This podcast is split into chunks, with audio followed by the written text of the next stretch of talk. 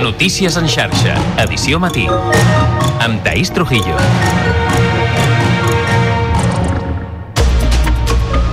Bon dia. El govern crearà un grup de 15 experts perquè elabori un pla de treball a finals de febrer amb propostes de millora del sistema educatiu. Aquest és el principal acord entre l'executiu i els diferents partits en la cimera convocada pel president de la Generalitat a Palau per buscar la manera de revertir els mals resultats de l'informe PISA a Catalunya. El grup de treball hauria d'especificar mesures per aplicar el curs vinent i altres a mitjà i llarg termini. L'oposició es mou entre l'escepticisme i les crítiques per la poca fermesa en la presa de decisions. D'aquesta manera encapçalem el Notícies en xarxa d'aquest eh, dimecres 20 de desembre i al punt de les 7 del matí repassem també altres titulars. L'autoritat del transport metropolità aprova una pujada de les tarifes del 6,75%. L'empresa pública ha decidit mantenir el 20% de descompte que aplica als abonaments T usual i T jove. Una reducció que pot arribar a la meitat si l'Estat manté la seva aportació actual. El bitllet senzill passarà dels 2 euros amb 40 cèntims als 2 amb 56 i la T casual dels 11,35 als 12,12.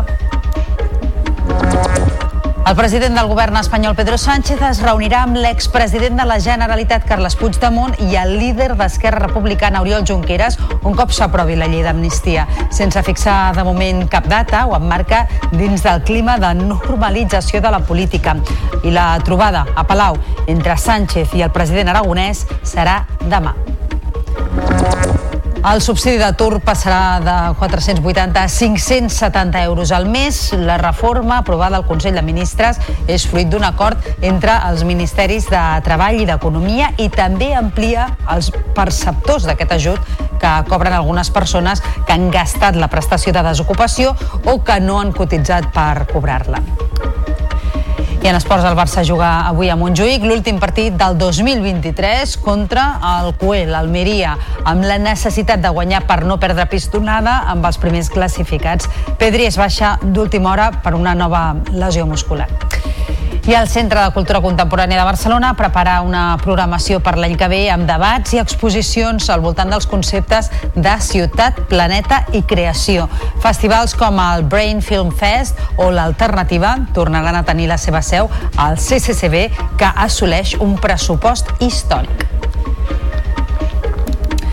Repassats els titulars de la primària de serveis. En primer lloc volem saber com se circula a aquesta hora a les 7 del matí per la xarxa viària catalana. Per tant, connectem amb el RAC i amb l'Àlex Huguet. Molt bon dia. Molt bon dia. Des d'ahir que encara està allà part de la via a l'AP7 al tram de Vilaseca en els dos sentits de la marxa per les tasques de neteja de la carretera arran d'un accident. A la mateixa AP7 ja hi ha cues al tram habitual del Papiol en sentit sud durant més de dos quilòmetres a l'enllaç amb la B23 i comença a haver-hi força moviment també a l'A2 a Cornellà de Llobregat en sentit Barcelona. I pel que fa a les rondes, la litoral registra més de 4 quilòmetres de cues des del Fòrum en sentit Llobregat i ara a la ronda de dalt també des de Santa Coloma i al Nus de la Trinitat, com sempre, durant 3 quilòmetres més. És tot des del RAC. Bon dia. I tants portada amb la previsió del temps. Eh, Lluís Miquel Pérez, molt bon dia. Bon dia, canvis de temps que anirem tenint al llarg de les immediates hores en forma de més núvols a gran part de Catalunya, per tant, el matí d'aquest dimecres força més ensupit i fins i tot amb algun plogim poc destacable a l'Alt Pirineu, amb alguna nevada però de moment a cota alta. També la boira persisteix a les comarques de Ponent però s'anirà trencant i el vent que ja comença a bufar amb més gana sobretot a les Terres de l'Ebre i a les comarques properes a l'Empordà. Aquesta tarda un temps que serà ja força més assolellat, molt ventós a Girona, al Pirineu i les comarques de Tarragona i la boira que es desfarà. Això farà pujar la temperatura respecte ahir a les comarques de la terra ferma. A la resta del país, un ambient una mica més fresquet per bé que tampoc serà gaire hivernal. Us seguirem a la xarxa. Notícies en xarxa, edició matí. El govern acorda amb els grups parlamentaris crear un comitè de 15 experts per impulsar a mig termini un pla de millores al sistema educatiu. És el principal resultat de la cimera convocada en les darreres hores pel president de la Generalitat a Palau a fi d'intentar revertir els mals resultats de l'informe PISA. El primer informe de treball hauria d'arribar a finals de febrer. En té els detalls la nostra companya Anna Ruiz. L'acord de mínims al qual han arribat els participants de la cimera passa per la creació d'un grup de treball. Aquest es constituirà el mes de gener i a finals del mes de febrer o abans de les vacances de Setmana Santa, el comitè d'experts tindrà preparada la llista de mesures que es posaran en marxa el curs vinent. En una segona fase, aquest grup prioritzarà les mesures a treballar en un termini de temps més ampli. Govern i partits han aconseguit una fórmula per treballar plegats i evitar que ningú es despengi de l'acord. Una proposta amb el consens més ampli possible i que funcioni, ha assegurat la consellera d'Educació. Ha de ser una proposta que tingui un consens ampli. Si tot i així hi hagués algun... l'afinaríem, evidentment, perquè què és el que volem tots, tots els grups i el govern? Que funcioni i que tregui bones conclusions i que es puguin posar eh, en execució algunes ja pel curs 24-25. El govern ha obtingut per part dels grups parlamentaris cert marge de maniobra per proposar els noms que formaran part del grup de treball. Des de l'oposició, els diferents partits han criticat la gestió del govern. Malgrat valorar el pas d'abordar la qüestió buscant el consens, consideren que la feina arriba tard, qüestionen el lideratge de la Generalitat i critiquen mancances en la presa de decisions. Escoltem Esther Niubó del PSC, Albert Batet de Junts, Carles Riera de la CUP, Carlos Carrizosa de Ciutadans i Jèssica Albiach d'en Comú Podem. El que correspon és escoltar els professionals de l'educació i a partir d'allà doncs, poder-nos acabar de posicionar. Cal deixar que els mestres facin de mestres i plena confiança en tots els equips docents de Catalunya i en el sistema.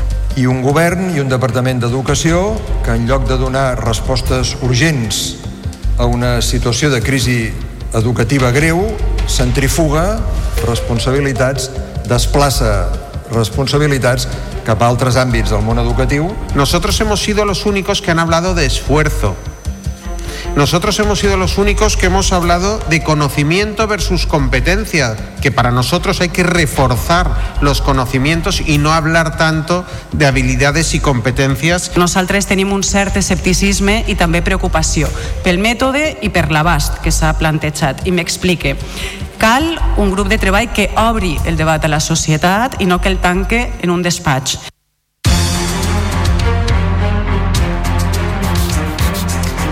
El president Pedro Sánchez i el president Pere Aragonès es reuniran aquest dijous al Palau de la Generalitat, tal com era previst fa dies, i en els pròxims mesos, un cop s'aprovi la llei d'amnistia al Congrés de Diputats, Pedro Sánchez es reunirà sovint i per separat amb l'expresident Carles Puigdemont i amb el president d'Esquerra Republicana, Oriol Junqueras. Ens ho explica tot plegat la nostra companya Mont Carvajal.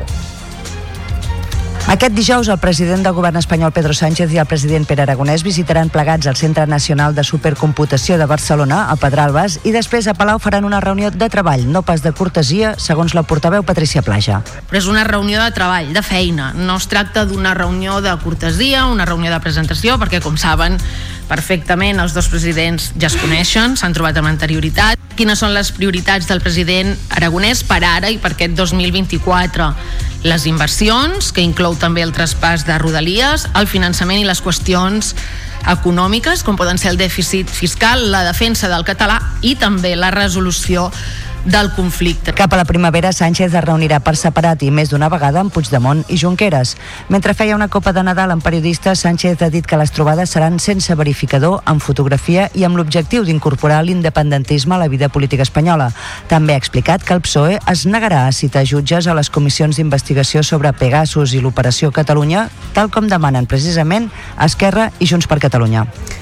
El subsidi d'atur, l'ajut que cobren algunes persones que han gastat la prestació de desocupació que no han cotitzat prou per cobrar-la, passarà de 480 a 570 euros al mes. La reforma, aprovada al Consell de Ministres, és fruit d'un acord entre els Ministeris de Treball i d'Economia i també amplia els perceptors d'aquest subsidi. subsidi. Amb la reforma, el subsidi que actualment cobren uns 800.000 espanyols arribarà a col·lectius com les persones menors de 45 anys sense càrregues o els eventuals agraris. També se'n simplifica el cobrament i el mes d'espera que actualment existia desapareix.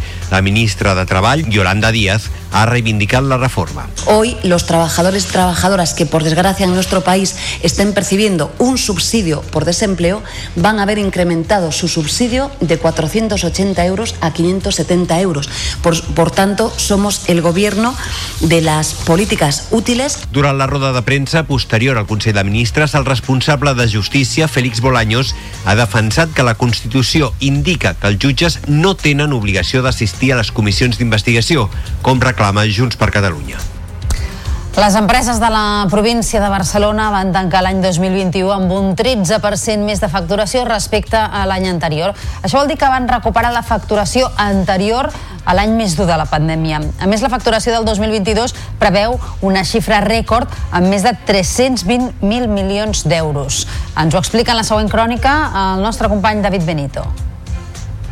La Diputació de Barcelona ha presentat l'informe anual que analitza l'estructura empresarial de la demarcació. Les dades constaten que la facturació del 2021 va recuperar els nivells prepandèmics amb gairebé 300.000 milions d'euros. La presidenta de l'àrea de desenvolupament econòmic, Eva Menor, destaca les iniciatives de la institució per la recuperació econòmica. És veritat que el fet de la recuperació tan ràpida el que també ens diuen és que les polítiques públiques que s'han posat en marxa han estat efectives i han, estat, han, tingut, han tingut impacte i també bueno, que la musculatura musculatura de les nostres empreses que han fet molts esforços per resistir en una època tan, tan dolenta doncs també, no? també han, han donat resposta. Per territoris, Barcelona plega el 34% de la facturació provincial, seguida de l'Hospitalet de Llobregat i de Martorell. Tot i això, la comarca amb més xifra de negoci per càpita és Osona, amb més de 70.000 euros per habitant. Per empreses, SEAT continua sent la líder en facturació, seguida per Lidl i Volkswagen. Entren en el top 25 empreses com Welling, que gairebé van duplicar la seva facturació l'any 2020 2021. L'informe conclou amb la solidesa del teixit empresarial de la província de Barcelona i preveu una facturació rècord l'any 2022, amb més de 320.000 milions d'euros.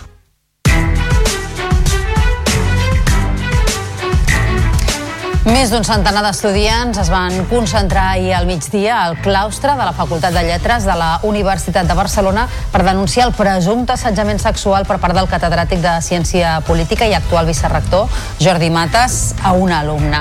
Els fets que es remunten a l'any 2016 els va publicar aquest dilluns al diario.es després de recollir la versió de més d'una vintena de testimonis.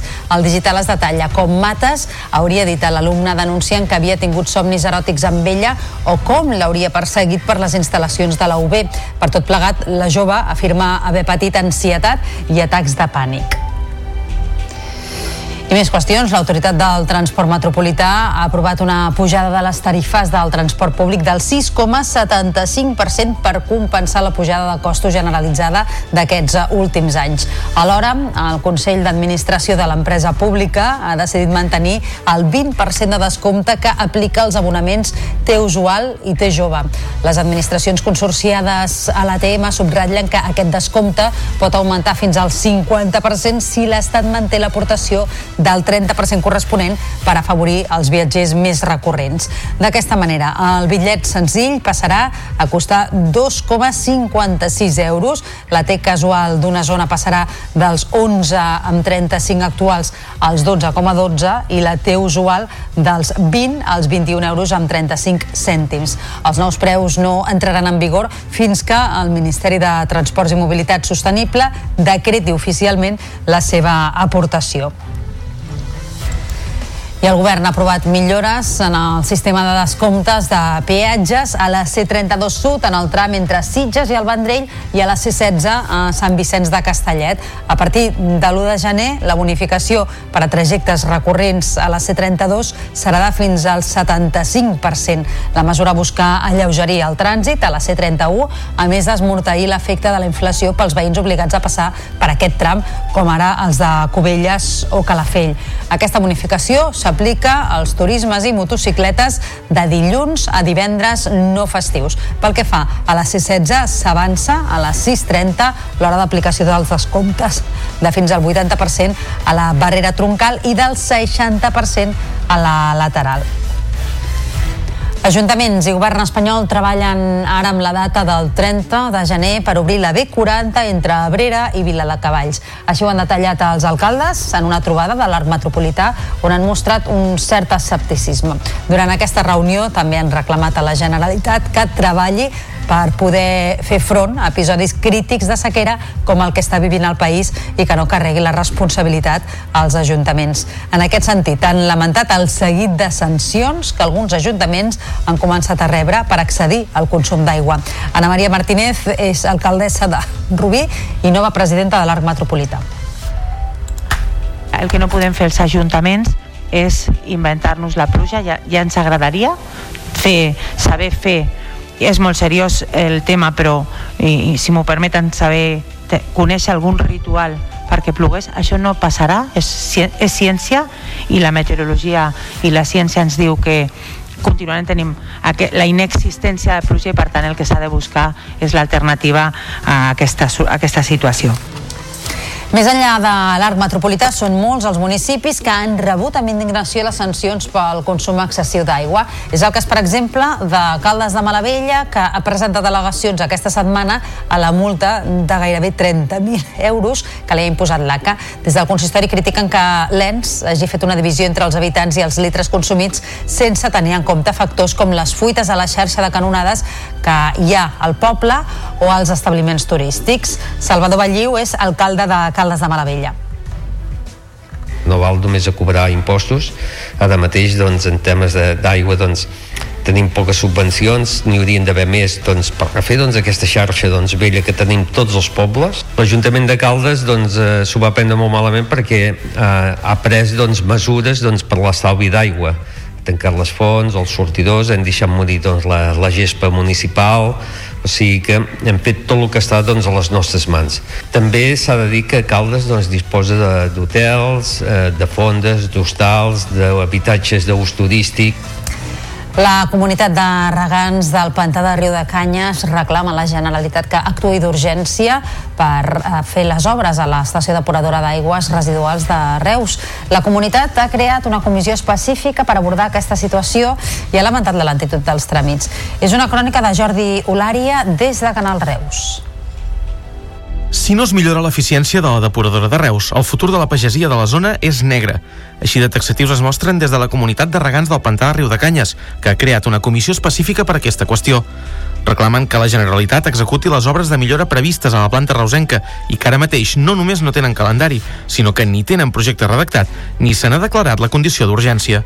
La pagesia reclama una reunió urgent amb el conseller David Mascort, que per ara no se'ls ha concedit. La voluntat de la comissió és fer front comú en defensa del projecte. Aquí ens hem d'implicar tots, Ajuntament, cooperatives, associacions de veïns, càmeres de comerç, aquí s'hi ha d'implicar tothom. Tothom perquè al final, si no es fa aquesta obra i es moren els arbres, no seran només els pagesos que, que, que ens sortiran perjudicats.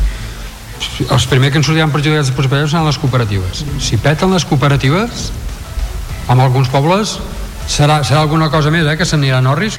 Els pagesos exposen que després de 40 mesos de sequera, els que depenen exclusivament del pantà de Riu de Canyes ni tan sols saben si els serviria de res arrencar els cultius, perquè el que plantin posteriorment podria tornar a morir de set. I marxem ara cap al Pla de Lleida, on la intensa boira de les últimes hores ha obligat a activar per primera vegada el sistema per baixa visibilitat a l'autopista AP2 entre Castelldans i les Borges Blanques. Un dispositiu, el primer d'aquestes característiques que s'instal·la a l'Estat amb un mecanisme automàtic que s'activa segons la densitat de la boira i les condicions de visibilitat. Així, en direcció a Barcelona, un sistema làser delimita els carrils de la calçada i fa senyals intermitents si detecta un vehicle vehicle aturat o que circula a baixa velocitat. En sentit Lleida, el que s'han instal·lat són balisses de colors. A més, panells informatius i càmeres permeten limitar la velocitat o restringir la circulació a un carril únic.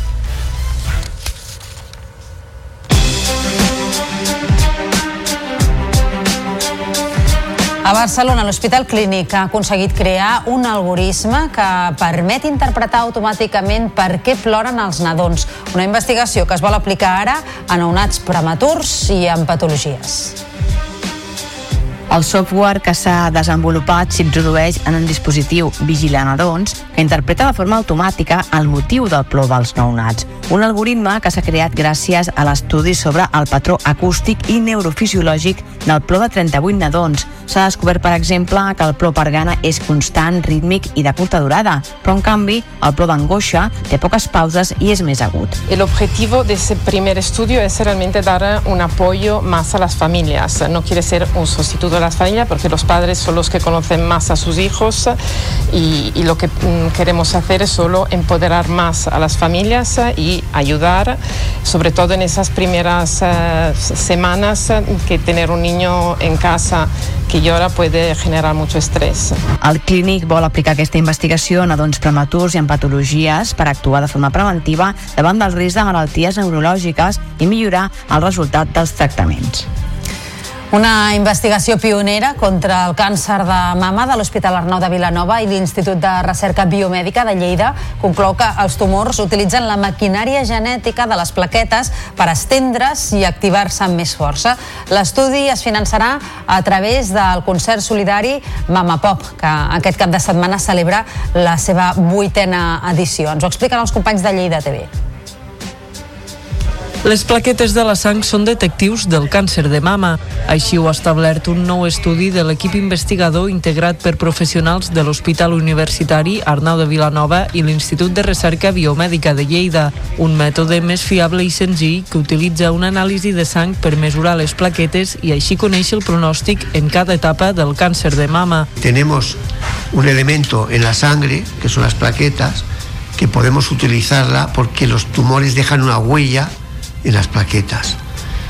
Y podemos utilizarla de diferentes maneras. Por ejemplo, si la cirugía ha sido ha podido eliminar por completo el tumor, se puede explotar para buscar eh, nuevos, nuevos marcadores en plaquetas que nos ayuden a, a un nuevo tratamiento. L'estudi es finança gràcies al concert Mama Pop. L'edició d'enguany tindrà lloc els dies 23 i 24 de desembre i gairebé ja s'han exaurit totes les entrades. Plataformes veïnals i col·lectius en defensa de la sanitat pública han demanat al conseller de Salut, Manel Balcells, que faci un pas enrere i que mantingui els pediatres a tots els centres de primària que en tenen ara.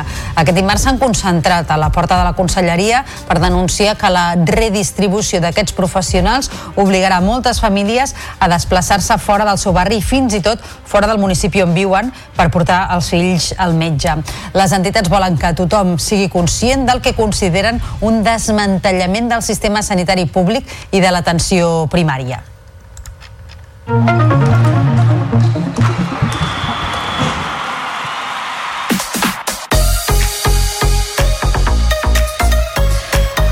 Avui a les 7 de la tarda el Barça afronta l'últim partit de l'any a Montjuïc i contra l'Almeria amb la necessitat de guanyar per no despenjar-se encara més en la classificació.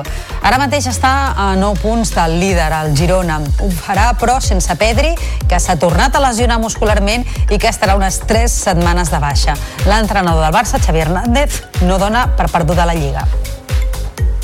Després de de tres partits sense aconseguir-ho, crec que necessitem aquesta victòria. Eh? De, eh, sensacions de confiança, tres punts, i, i continuar creient que encara hi ha Lliga, que encara tenim matemàticament possibilitats, evidentment, per, eh, per guanyar-la, que se'ns ha posat difícil, però que hem d'anar pas per pas, i demà és un pas important. Creiem que, que tornem a tenir bon futbol, però necessitem guanyar partits. El conjunt que tampoc acaba de rotllar és l'Espanyol, que hi va acabar l'any amb una altra ensopegada, la quarta consecutiva, contra el Burgos. Va empatar a 3 en un partit en què sempre va anar a remolc, amb una defensa feble que va concedir moltes facilitats. L'afició perica va xiular més d'una ocasió als seus jugadors, que van deixar escapar l'oportunitat de situar-se provisionalment en posicions d'ascens directe. Tot i això, l'entrenador de l'equip, Luis Miguel Ramis, va voler veure el got mig ple. Normalmente un equipo, mm, este tipo de partidos, eh, no logra sacarlos adelante. Dentro de todos los errores que hemos cometido, el equipo ha tenido aplomo y espíritu para reponerse tres veces en una situación que no era fácil. A l'Eurolliga el Barça va caure a la pista de l'últim classificat, l'Alba de Berlín, per 74 a 70. Mal partit dels de Roger Grimau que van arribar a perdre per 13 punts de diferència. Els blaugranes que encadenen la segona derrota consecutiva a Europa ara són tercers a 4 victòries del Madrid. Divendres, nova jornada d'Eurolliga i el Barça visitarà la pista dels Alguiris Kauna. I més qüestions esportives. El documental El Gran Show es va projectar al cinema d'Olot ahir a la nit. Es tracta del seguiment de la temporada més intensa i inesperada de les patinadores del grup de show gran del Club Patinatge Artístic Olot. Des de les desfetes, el Campionat de Catalunya i d'Espanya, fins al triomf al Campionat del Món de Colòmbia. El documental, produït per la xarxa i Olot TV, s'estrenarà al Cines Olot i posteriorment es podrà veure a través de la xarxa més a partir del dia de Nadal a les 10 de la nit.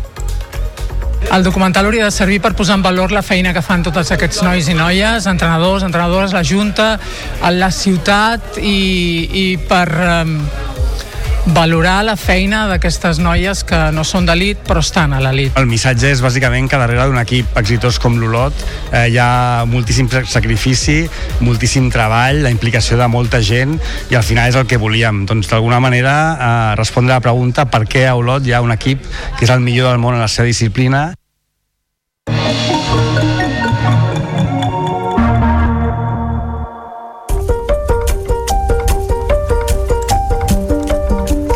Ciutat, planeta i la creació i el pensament són les tres grans línies temàtiques del Centre de Cultura Contemporània de Barcelona per al 2024. Al voltant d'aquests eixos giraran les exposicions i els debats de la institució, sense oblidar el programa audiovisual en festivals com el Brain Film Fest o les iniciatives de mediació amb especial compromís amb el barri del Raval. Ens ho explica el David Navarro.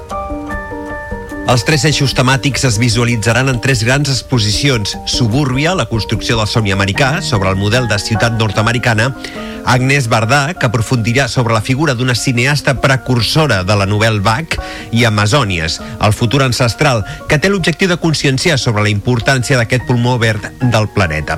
Així mateix, els debats també s'aproparan a aquestes línies argumentals. És el cas, com ha explicat la directora del CCCB, Judit Carrera, d'un programa sobre Europa o d'un diàleg sobre el turisme. Pensem que és important dedicar-hi un dels nostres grans debats de l'any, ho farem a la tardor, en una mirada comparada on posarem Barcelona al costat d'altres grans ciutats europees que estan vivint aquesta mateixa transformació, com Amsterdam, Venècia, Roma, Londres o Berlín.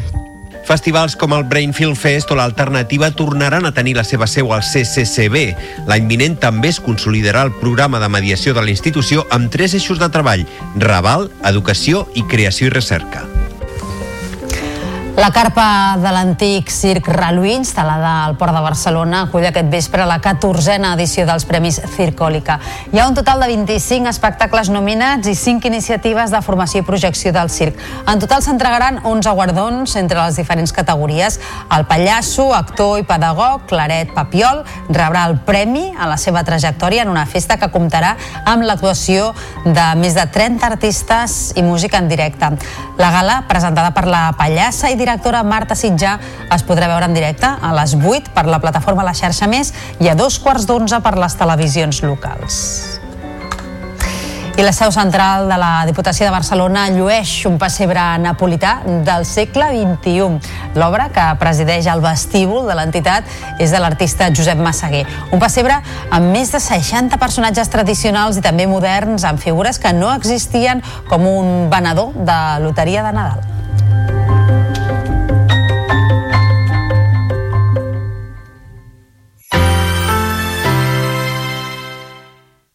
La xarxa de comunicació local. Hi ha llocs on no se celebra el Nadal? Nadal és una festa cristiana. Per això, als països on aquesta religió no és majoritària, és normal que no s'hi organitzin festes. No obstant això, el cristianisme ha tingut una gran influència en el món, de manera que fins i tot a llocs on no es practica poden celebrar el Nadal. Hem de portar-nos millor per Nadal? Per descomptat, cal portar-se bé tot l'any, no només durant el Nadal. Ara bé, aquestes festes tan especials ens animen a portar-nos millor. La rutina es trenca, hi ha vacances, se solen fer regals i molta gent està de bon humor. Per què no aprofitem per ser millors persones? La gent està més contenta pel Nadal. A moltes persones els agrada aquesta època de l'any i l'esperen amb alegria. Els encanta reunir-se amb la família, gaudeixen fent i rebent regals, senten que és un temps de reflexió i d'esperança. N'hi ha d'altres, però, que es posen més aviat tristes si, per exemple, troben a faltar un amic o un familiar molt estimat o no tenen en qui compartir les festes. Perquè has desitjat bones festes. És una forma de desitjar als altres que els passin coses bones. Es considera que si algú passa aquestes festes amb felicitat és perquè la seva família està bé i probablement s'han pogut reunir, que la seva salut és bona, que té el necessari per viure amb comoditat. Els supertafaners ho volen saber tot del Nadal, de l'editorial Larús, és un dels llibres que les ràdios locals et regalem a aquestes festes. Escolta contes, poemes i supertafaneries a Lletres de Nadal, a la teva ràdio local i a la xarxa més. La xarxa de comunicació local.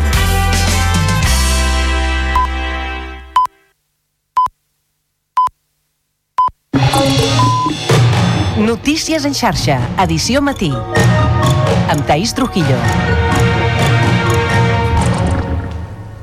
Bon dia. El govern crearà un grup de 15 experts perquè elabori un pla de treball a finals de febrer amb propostes de millora del sistema educatiu.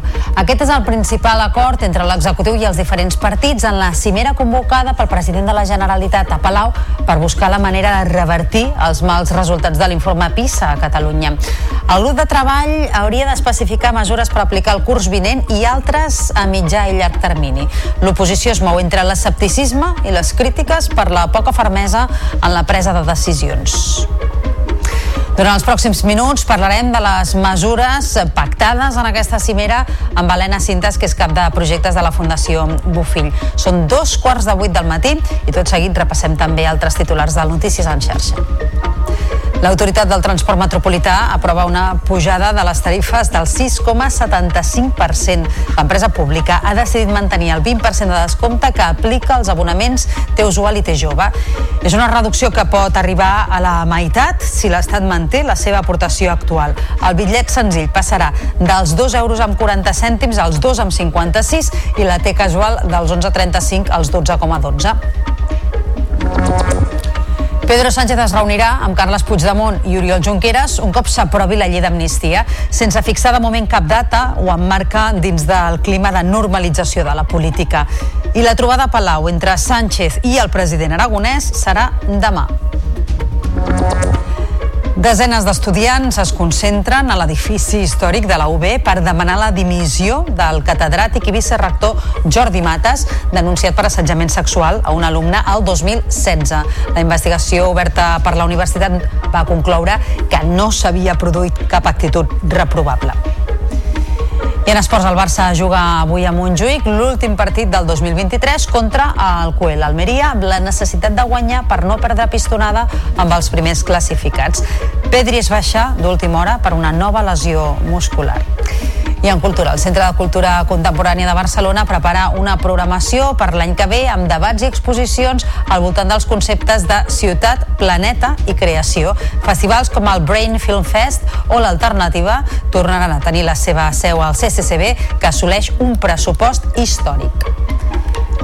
Repassats els titulars, ara obrim àrea de serveis. Comencem amb el trànsit. Segons el RAC, hi ha alguns carrils tallats encara en els dos sentits a l'AP7 a Vilaseca per una incidència d'ahir i a banda i a les retencions habituals a l'àrea metropolitana. 4 quilòmetres a la B23 des de Molins de Rei fins a Sant Feliu de Llobregat en sentit nord, a la 2 des de Pallejà, com sempre, en sentit est, i a la C58 hi ha 3 quilòmetres de cues des de Montcada fins a l'entrada de Barcelona i com sempre a les rondes és on hi ha més moviment, sobretot cap al Llobregat. I ara la previsió del temps, aquest dimecres comença amb força núvols, algun plogim a l'Alt Pirineu i boira persistent a les comarques de Lleida. A la tarda, però, el cel quedarà destapat i les temperatures ja no seran tan fredes com a aquesta hora del matí.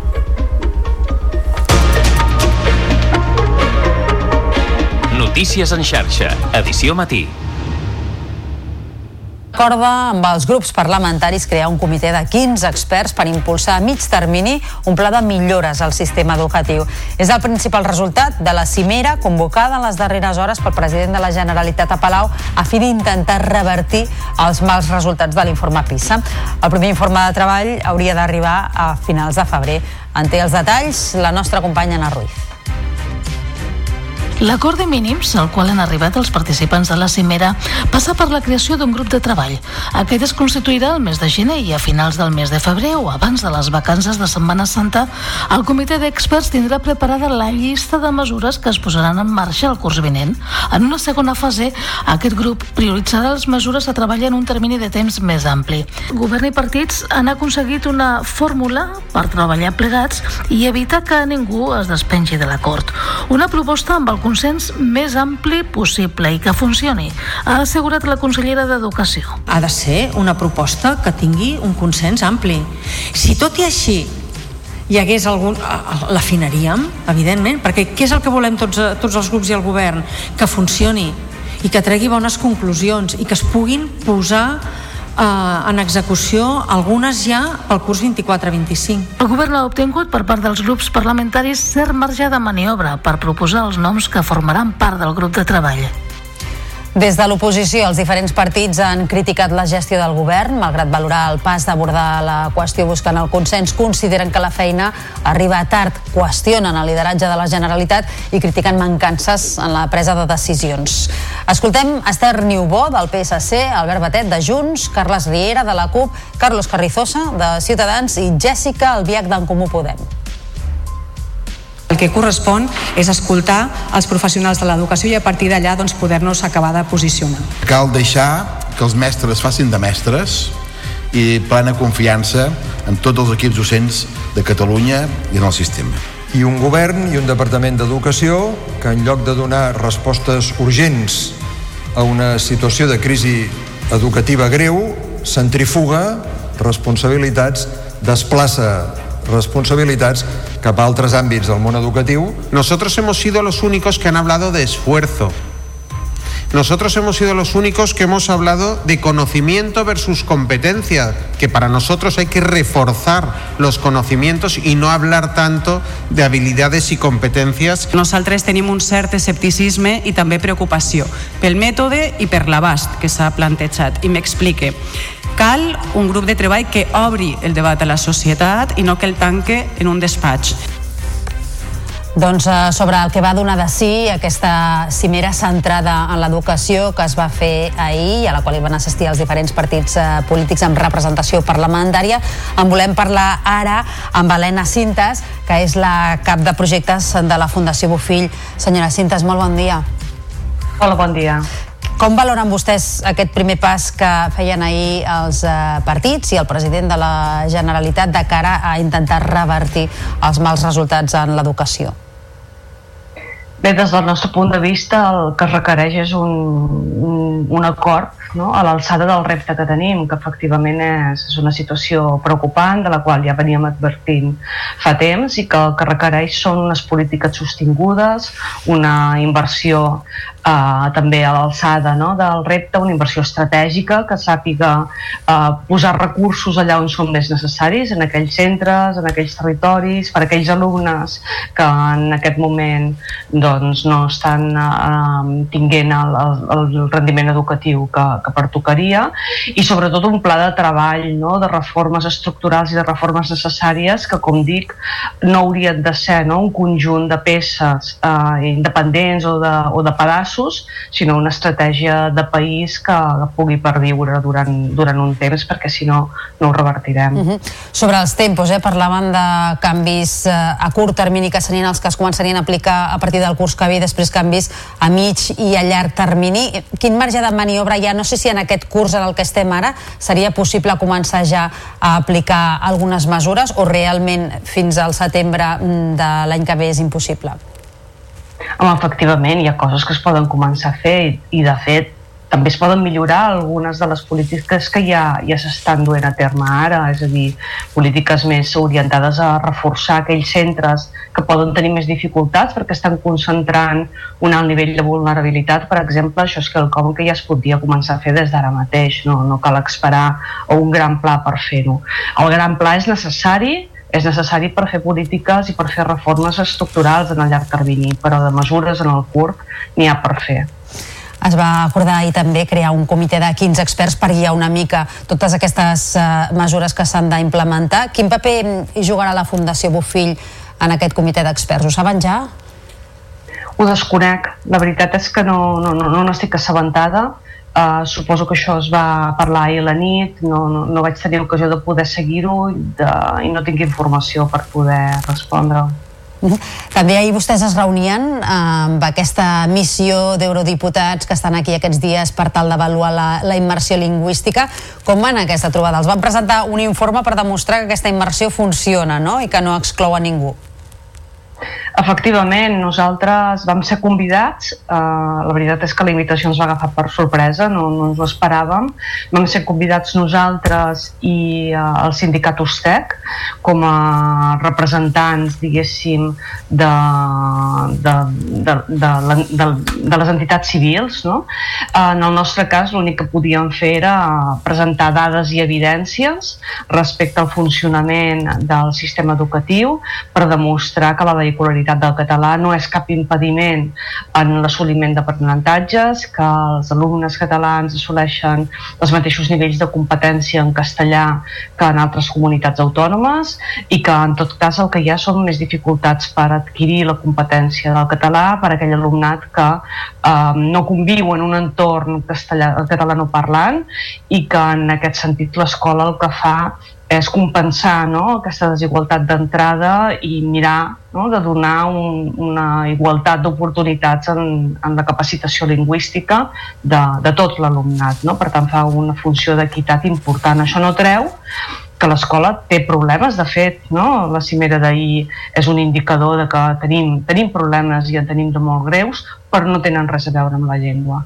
I això és el que vam voler demostrar, vam aportar dades, eh, tant a nivell català eh, provinents del Departament d'Educació, provinents de, de la Sindicatura de Greuges, també dades del Ministeri d'Educació i de l'Institut Nacional d'Estadística perquè es veiés no? que no es tracta només de la informació que recollim aquí i també dades internacionals provinents de la OCDE per mostrar que aquesta no, no és una realitat, no hi ha un conflicte amb aquest tema. Helena Cintas, cap de projectes de la Fundació Bofill, gràcies per atendre'ns avui, molt bon dia. A vosaltres moltes gràcies. Notícies en xarxa. Informació al detall.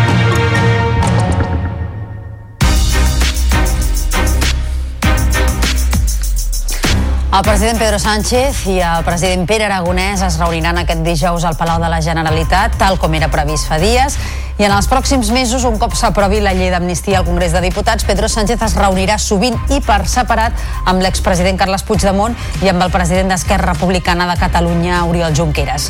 Ens ho explica la nostra companya Mont Carvajal.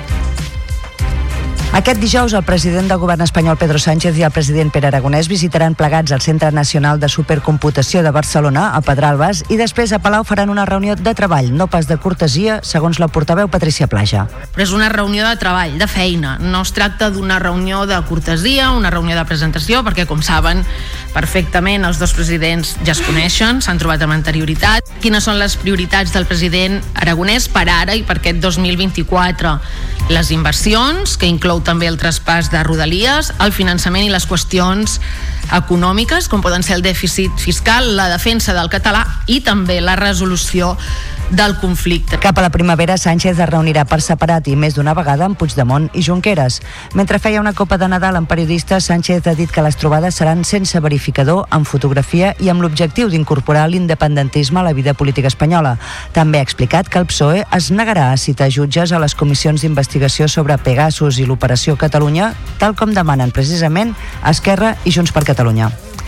El subsidi d'atur, l'ajut que cobren algunes persones que han gastat la prestació de desocupació que no han cotitzat prou per cobrar-la passarà de 480 a 570 euros al mes. La reforma aprovada al Consell de Ministres és fruit d'un acord entre els Ministeris de Treball i d'Economia i també també amplia els perceptors d'aquest subsidi. Amb la reforma, el subsidi que actualment cobren uns 800.000 espanyols arribarà a col·lectius com les persones menors de 45 anys sense càrregues o els eventuals agraris. També se'n simplifica el cobrament i el mes d'espera que actualment existia desapareix. La ministra de Treball, Yolanda Díaz, ha reivindicat la reforma. Hoy los trabajadores y trabajadoras que por desgracia en nuestro país estén percibiendo un subsidio por desempleo van a ver incrementado su subsidio de 480 euros a 570 euros.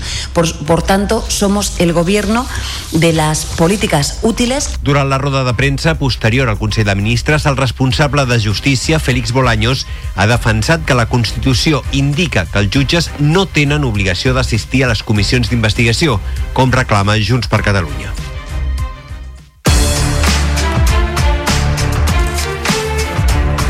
Pràcticament tres quarts de vuit del matí, ara falta un minut. Més d'un centenar d'estudiants es van concentrar ahir al migdia al claustre de la Facultat de Lletres de la Universitat de Barcelona per denunciar el presumpte assetjament sexual per part del catedràtic de Ciència Política i actual vicerrector Jordi Mates a un alumne. Els fets que es remunten a l'any 2016 els va publicar aquest dilluns al diario.es després de recollir la versió de més d'una vintena de testimonis. Busquem ara reaccions, parlem amb Dona Galup, que és membre de la Comissió Permanent del Consell de l'Alumnat de la Universitat de Barcelona. Duna, molt bon dia. Bon dia. En quin punt està la situació ara mateix? Què és el que li esteu exigint a la universitat per tal d'evitar que es repeteixin casos com aquests i per tal de mm, denunciar i de mostrar palès el seu rebuig a casos com els que van passar el 2016 amb aquest eh, vicerrector?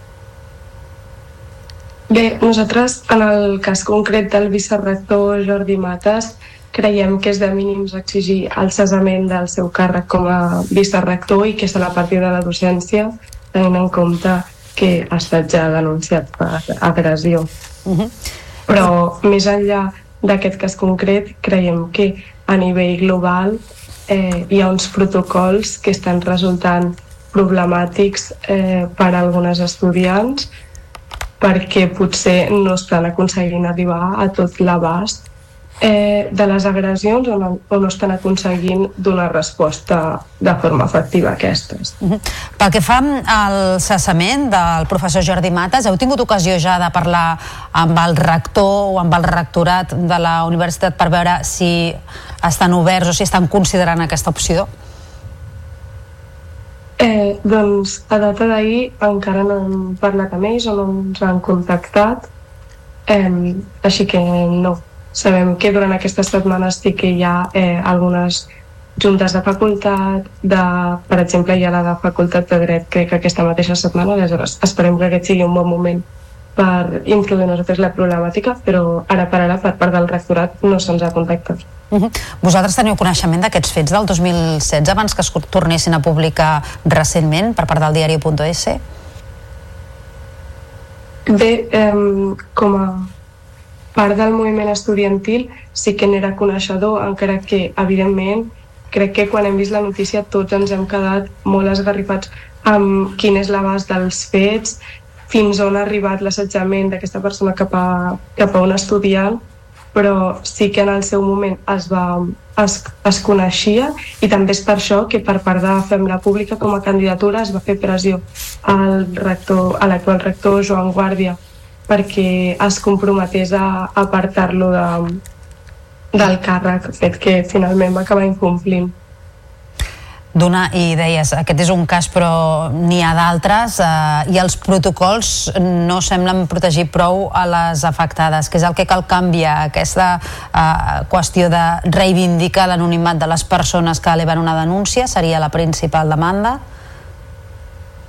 Sí, en seria una d'elles. L'altra, com també s'ha exemplificat en aquest cas, és, per exemple, el fet que siguin tres homes els que puguin avaluar si has estat o no agredida, o que, com va dir el mateix conseller de, d'universitats fa uns pocs dies, qui acull la denúncia i qui té tota la facultat per decidir si s'aplica o no és el rector de cada universitat. I això, evidentment, és problemàtic perquè recau en una única persona i no només en una única persona, sinó en una única persona que és el rector, que la seva principal funció al final acaba sent mantenir el prestigi de la seva universitat.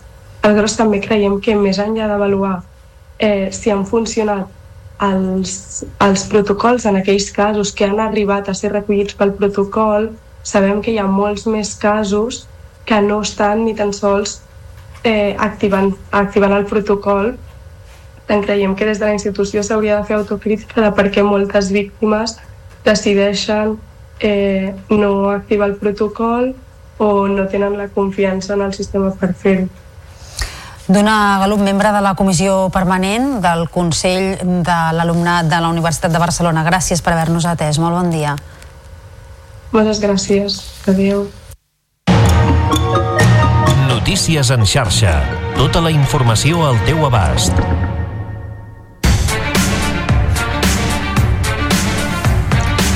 L'Autoritat del Transport Metropolità ha aprovat una pujada de les tarifes de transport públic del 6,75% per compensar la pujada de costos generalitzada d'aquests darrers anys. Alhora, el Consell d'Administració de l'empresa pública ha decidit mantenir el 20% de descompte que aplica als abonaments T-Usual i T-Jove. Les administracions consorciades a l'ATM subratllen que aquest descompte pot augmentar fins al 50% si l'Estat manté l'aportació del 30% corresponent per afavorir els viatgers més recorrents corrents. D'aquesta manera, el bitllet senzill passarà a costar 2,56 euros. La T casual d'una zona passarà dels 11 euros amb 35 actuals als 12,12 i la T usual dels 20 als 21 euros amb 35. Els nous preus no entraran en vigor fins que el Ministeri de Transports i Mobilitat Sostenible decreti oficialment la seva aportació. I el govern ha aprovat millores en el sistema de descomptes de peatges a la C32 Sud, en el tram entre Sitges i el Vendrell i a la C16 a Sant Vicenç de Castellet. A partir de l'1 de gener, la bonificació per a trajectes recurrents a la C32 serà de fins al 75%.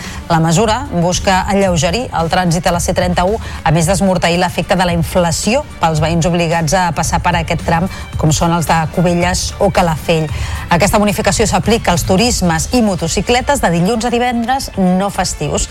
Pel que fa a la C16, s'avança a les 6.30 l'hora d'aplicació dels descomptes de fins al 80% a la barrera troncal i del 60% a la barrera lateral.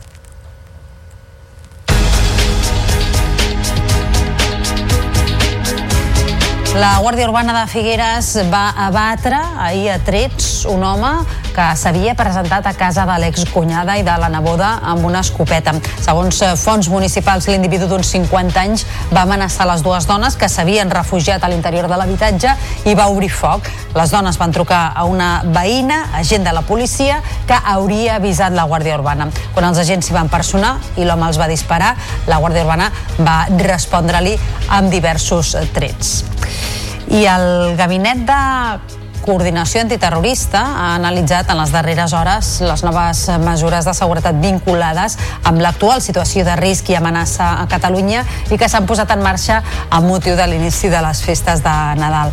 Els Mossos han donat indicacions d'autoprotecció, prevenció i reacció a possibles atemptats terroristes a tots els seus agents, a les policies locals i de seguretat privada que patrullaran per llocs molt concorreguts en aquestes festes. Són unes mesures que se sumen a les que actualment estan vigents de prevenció i protecció en seus consulars i diplomàtiques vinculades amb el conflicte al Pròxim Orient i en llocs de culte de la comunitat eh, jueva.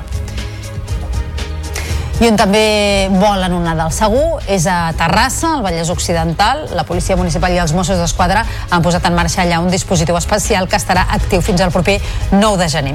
Es tracta de reforçar la vigilància i la prevenció de delictes en espais on es preveu una gran afluència de gent. Ens amplien la informació des de Canal Terrassa. La ciutat comptarà de dia amb més vigilància a les zones comercials, mentre que de nit es posaran en marxa un seguit de mesures de seguretat per garantir un oci nocturn lliure i de qualitat. En aquest sentit, a partir d'aquest cap de setmana també s'ampliarà el servei de bus nit, amb sis expedicions més que operaran fins a tres quarts de nou del matí. A més a més, l'Ajuntament ha creat una xarxa d'itineraris recomanats per tornar a casa a peu després de sortir de festa. Uns camins segurs que estaran anunciats amb material gràfic als diferents locals d'oci d'oci nocturn i que transitaran pels carrers més il·luminats. D'altra banda, per a aquells que circulin en vehicle privat, també es reforçaran els controls policials de seguretat viària.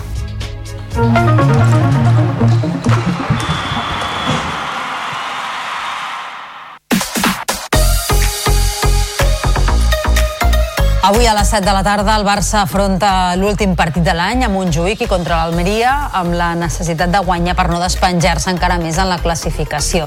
Ara mateix està a 9 punts del líder, el Girona.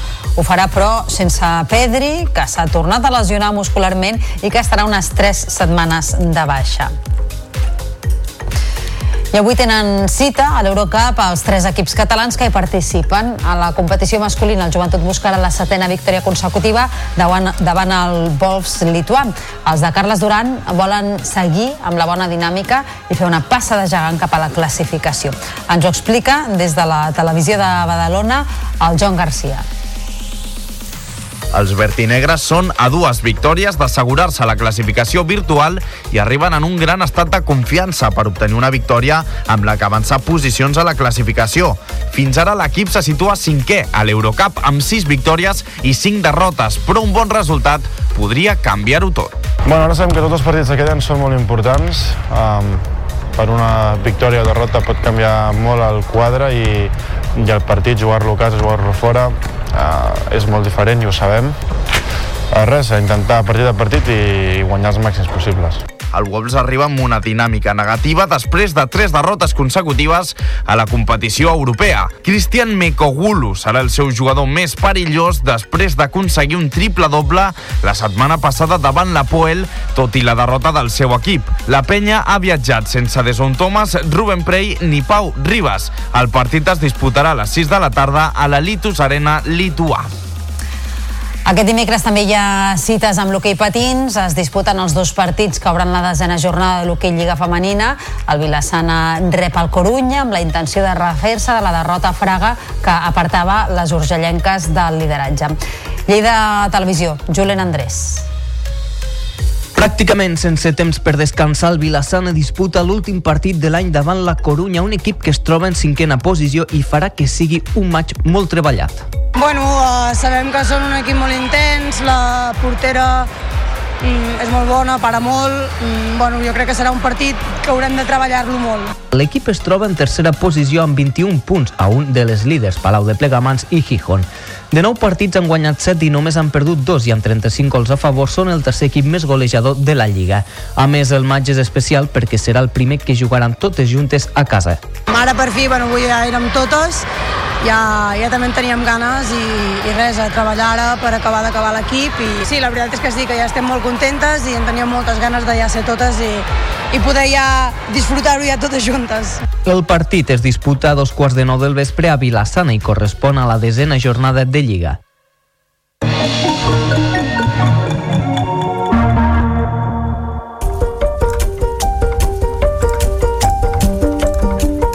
Ciutat, planeta i la creació i el pensament són les tres grans línies temàtiques del Centre de Cultura Contemporània de Barcelona per al 2024. Al voltant d'aquests eixos giraran les exposicions i els debats de la institució, sense oblidar el programa audiovisual en festivals com el Brain Film Fest o també les iniciatives de mediació amb especial compromís amb el barri del Raval. Ens en parla el David Navarro.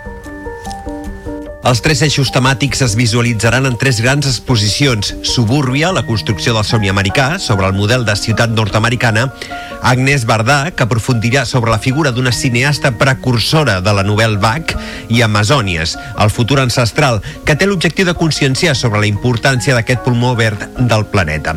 Així mateix, els debats també s'aproparan a aquestes línies argumentals. És el cas, com ha explicat la directora del CCCB, Judit Carrera, d'un programa sobre Europa o d'un diàleg sobre el turisme. Pensem que és important dedicar-hi un dels nostres grans debats de l'any. Ho farem a la tardor en una mirada comparada on posarem Barcelona al costat d'altres grans ciutats europees que estan vivint aquesta mateixa transformació, com Amsterdam, Venècia, Roma, Londres o Berlín. Festivals com el Brainfield Fest o l'Alternativa tornaran a tenir la seva seu al CCCB. L'any vinent també es consolidarà el programa de mediació de la institució amb tres eixos de treball, Raval, Educació i Creació i Recerca.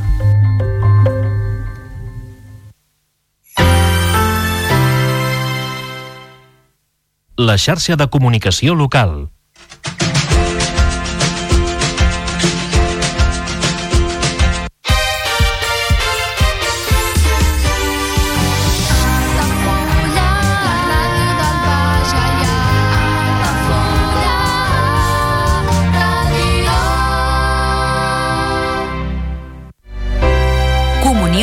2024.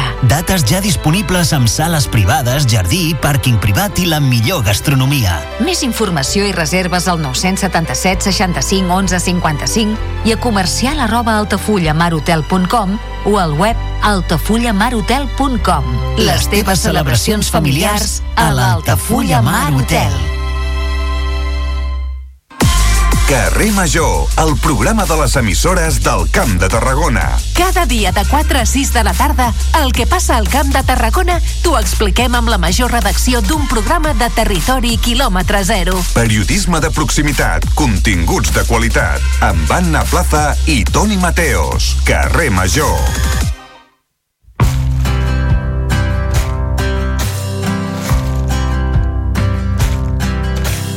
Tu no ho saps, però ja fa temps que ens coneixem.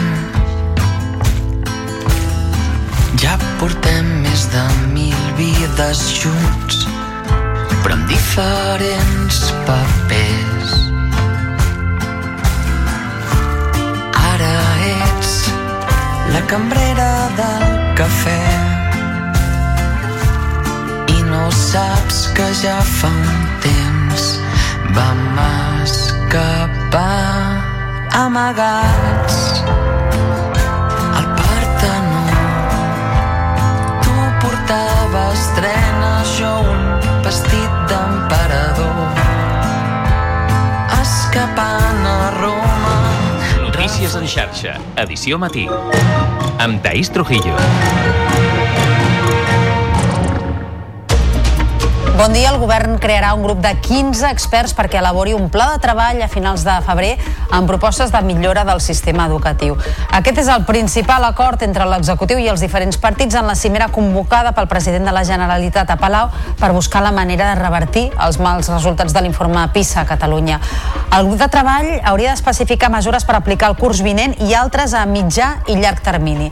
L'oposició es mou entre l'escepticisme i les crítiques per la poca fermesa en la presa de decisions.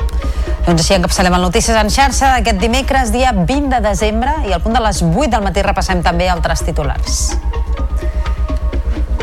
Pedro Sánchez es reunirà amb Carles Puigdemont i Oriol Junqueras un cop s'aprovi la llei d'amnistia, sense fixar de moment cap data o emmarcar dins del clima de normalització de la política. I la trobada a Palau entre Sánchez i el president aragonès serà demà. L'Autoritat del Transport Metropolità aprova una pujada de les tarifes del 6,75%. L'empresa pública ha decidit mantenir el 20% de descompte que aplica als abonaments T usual i T jove. Una reducció que pot arribar a la meitat si l'Estat manté la seva aportació actual. El bitllet senzill passarà dels 2 euros amb 40 cèntims als 2 amb 56 i la T casual dels 11,35 als 12,12. El subsidi d'atur passarà de 480 a 570 euros al mes.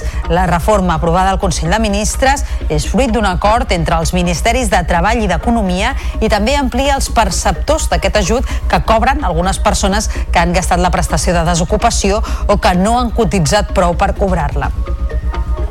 I en esports, el Barça juga avui a Montjuïc l'últim partit del 2023 contra el Coel Almeria amb la necessitat de guanyar per no perdre pistonada amb els primers classificats. Pedri és baixa d'última hora per una nova lesió muscular. I en cultura, el Centre de Cultura Contemporània de Barcelona prepara una programació per l'any que ve amb debats i exposicions al voltant dels conceptes de ciutat, planeta i creació. Festivals com el Brain Film Fest o l'Alternativa tornaran a tenir la seva seu al CCCB que assoleix un pressupost històric. Repassats els titulars, ara obrim àrea de serveis. Volem saber com se circula aquesta hora a les 8 del matí per la xarxa viària catalana. Per tant, connectem amb el Servei Català de Trànsit i amb la Finara. Que molt bon dia. Hola, molt bon dia. Doncs en aquests moments hem de destacar que s'acaba de retirar un accident que tallava un carril a l'autopista P7 a Mollet del Vallès. Tanmateix encara hi ha en sentit sud, en sentit Tarragona, 5 quilòmetres de retencions des de Montornès del Vallès. També destacarem que hi ha un altre accident als accessos nord a la C31 a l'altura de Badalona. En aquest, en aquest cas sí que encara restringeix un carril de la calçada d'entrada a la capital catalana i provoca 3 quilòmetres de retencions gairebé des de Montgat. També destacarem aturades avui als accessos del Baix Llobregat, a la B23, d'entrada a la capital catalana des de Molins de Rei amb retencions i també l'autovia 2 amb aturades entre Sant Vicenç dels Horts i Sant Joan d'Espí. Acabarem destacant que hi continua havent bancs de boira densa que redueixen la visibilitat a la P2 entre Soses i Borges Blanques on s'ha limitat la velocitat màxima a 80 km per hora. De moment això és tot. Molt bon dia. I tanquem portada amb la previsió del temps de cara a aquest dimecres. Lluís Miquel Pérez, molt bon dia, com ho tenim?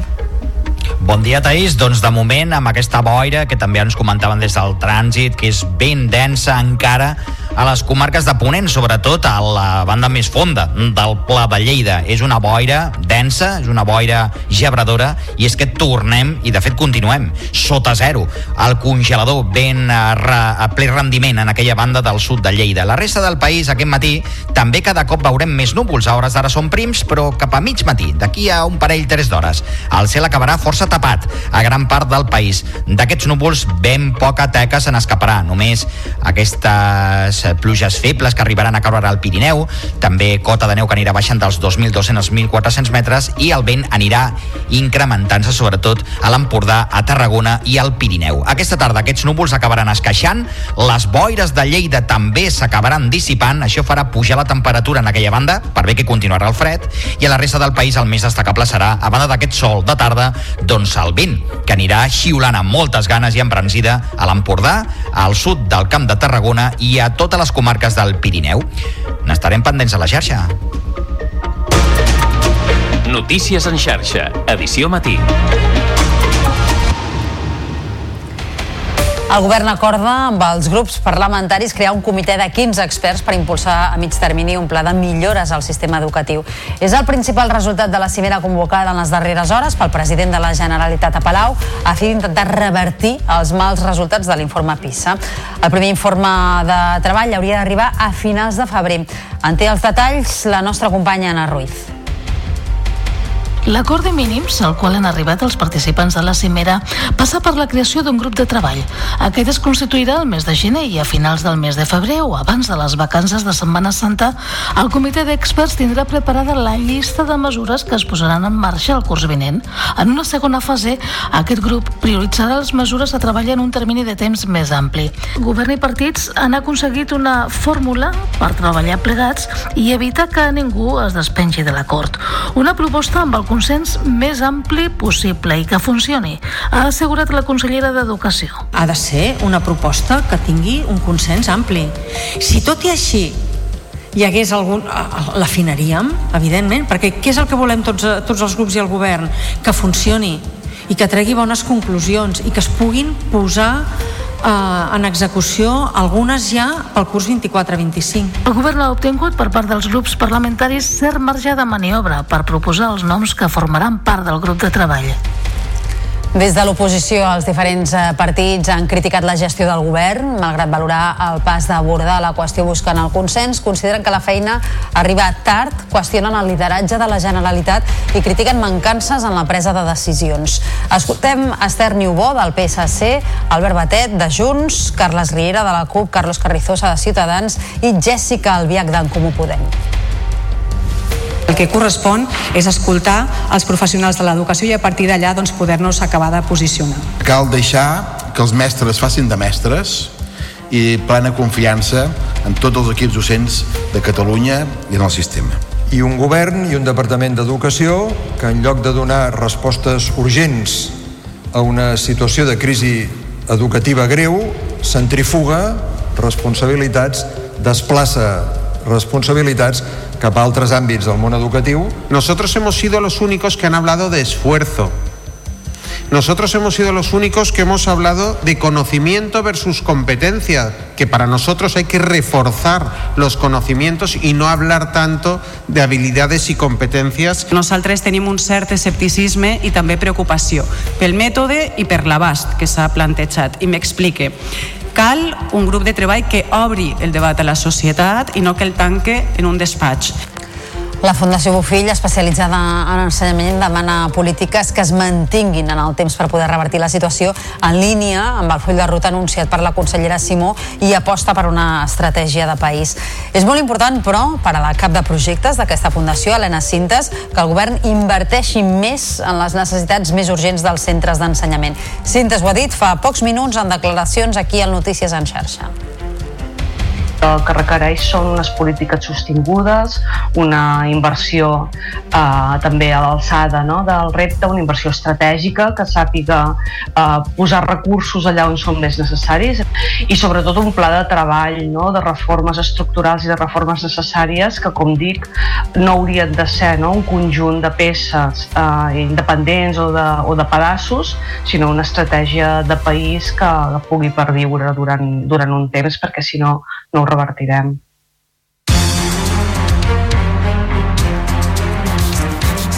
El president Pedro Sánchez i el president Pere Aragonès es reuniran aquest dijous al Palau de la Generalitat, tal com era previst fa dies, i en els pròxims mesos, un cop s'aprovi la llei d'amnistia al Congrés de Diputats, Pedro Sánchez es reunirà sovint i per separat amb l'expresident Carles Puigdemont i amb el president d'Esquerra Republicana de Catalunya, Oriol Junqueras. Ens ho explica la nostra companya Montcarvajal. Carvajal. Aquest dijous el president del govern espanyol Pedro Sánchez i el president Pere Aragonès visitaran plegats el Centre Nacional de Supercomputació de Barcelona, a Pedralbes, i després a Palau faran una reunió de treball, no pas de cortesia, segons la portaveu Patricia Plaja. Però és una reunió de treball, de feina. No es tracta d'una reunió de cortesia, una reunió de presentació, perquè, com saben perfectament, els dos presidents ja es coneixen, s'han trobat amb anterioritat. Quines són les prioritats del president Aragonès per ara i per aquest 2024? Les inversions, que inclou també el traspàs de rodalies, el finançament i les qüestions econòmiques, com poden ser el dèficit fiscal, la defensa del català i també la resolució del conflicte. Cap a la primavera, Sánchez es reunirà per separat i més d'una vegada amb Puigdemont i Junqueras. Mentre feia una copa de Nadal amb periodistes, Sánchez ha dit que les trobades seran sense verificador, amb fotografia i amb l'objectiu d'incorporar l'independentisme a la vida política espanyola. També ha explicat que el PSOE es negarà a citar jutges a les comissions d'investigació sobre Pegasus i l'Operació Catalunya, tal com demanen precisament Esquerra i Junts per Catalunya. El subsidi d'atur, l'ajut que cobren algunes persones que han gastat la prestació de desocupació o que no han cotitzat prou per cobrar-la, passarà de 480 a 570 euros al mes. La reforma aprovada al Consell de Ministres és fruit d'un acord entre els Ministeris de Treball i d'Economia i també amplia els perceptors d'aquest subsidi. Amb la reforma, el subsidi que actualment cobren uns 800.000 espanyols arribarà a col·lectius com les persones menors de 45 anys sense càrregues o els eventuals agraris. També se'n simplifica el cobrament i el mes d'espera que actualment existia desapareix. La ministra de Treball, Yolanda Díaz, ha reivindicat la reforma. Hoy los trabajadores y trabajadoras que por desgracia en nuestro país estén percibiendo un subsidio por desempleo van a ver incrementado su subsidio de 480 euros a 570 euros. Por por, tanto, somos el gobierno de las políticas útiles. Durant la roda de premsa posterior al Consell de Ministres, el responsable de Justícia, Félix Bolaños, ha defensat que la Constitució indica que els jutges no tenen obligació d'assistir a les comissions d'investigació, com reclama Junts per Catalunya. Les empreses de la província de Barcelona van tancar l'any 2021 amb un 13% més de facturació respecte a l'any anterior. Això vol dir que van recuperar la facturació anterior a l'any més dur de la pandèmia. A més, la facturació del 2022 preveu una xifra rècord amb més de 320.000 milions d'euros. És una crònica de David Benito. La Diputació de Barcelona ha presentat l'informe anual que analitza l'estructura empresarial de la demarcació. Les dades constaten que la facturació del 2021 va recuperar els nivells prepandèmics amb gairebé 300.000 milions d'euros. La presidenta de l'àrea de desenvolupament econòmic, Eva Menor, destaca les iniciatives de la institució per la recuperació econòmica. És veritat que el fet de la recuperació tan ràpida el que també ens diuen és que les polítiques públiques que s'han posat en marxa han estat efectives i han, estat, han, tingut, han tingut impacte i també bueno, que la musculatura musculatura de les nostres empreses, que han fet molts esforços per resistir en una època tan, tan dolenta, doncs també, no? també han, han donat resposta. Per territoris, Barcelona plega el 34% de la facturació provincial, seguida de l'Hospitalet de Llobregat i de Martorell. Tot i això, la comarca amb més xifra de negoci per càpita és Osona, amb més de 70.000 euros per habitant. Per empreses, SEAT continua sent la líder en facturació, seguida per Lidl i Volkswagen. Entren en el top 25 empreses com Welling, que gairebé van duplicar la seva facturació l'any 2021. L'informe conclou amb la solidesa del teixit empresarial de la província de Barcelona i preveu una facturació rècord l'any 2022, amb més de 320.000 milions d'euros.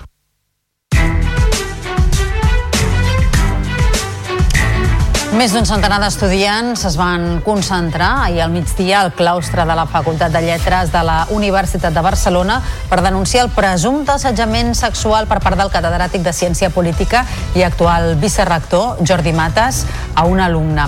Els fets que es remunten a l'any 2016 els va publicar aquest dilluns al diario.es després de recollir la versió de més d'una vintena de testimonis. Per aquest cas concret, des de la Comissió Permanent del Consell de l'Alumnat de la UB es demana el cessament immediat de mates i que sigui apartat de la docència.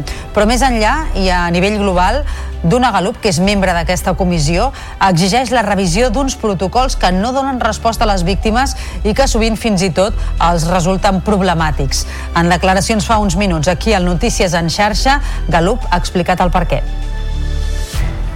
El fet que siguin tres homes els que puguin avaluar si has estat o no agredida o que, com va dir el mateix conseller de, d'universitats fa uns pocs dies, qui acull la denúncia i qui té tota la facultat per decidir si s'aplica o no és el rector de cada universitat. I això, evidentment, és problemàtic perquè recau en una única persona i no només en una única persona, sinó en una única persona que és el rector, que la seva principal funció al final acaba sent mantenir el prestigi de la seva universitat. I més qüestions. L'Autoritat del Transport Metropolità ha aprovat una pujada de les tarifes del transport públic del 6,75% per compensar la pujada de costos generalitzada d'aquests darrers anys. Alhora, el Consell d'Administració de l'empresa pública ha decidit mantenir el 20% de descompte que aplica als abonaments T usual i T jove. Les administracions consorciades a l'ATM subratllen que aquest descompte pot augmentar fins al 50% si l'Estat manté l'aportació del 30% corresponent per afavorir els viatgers viatgers més recurrents.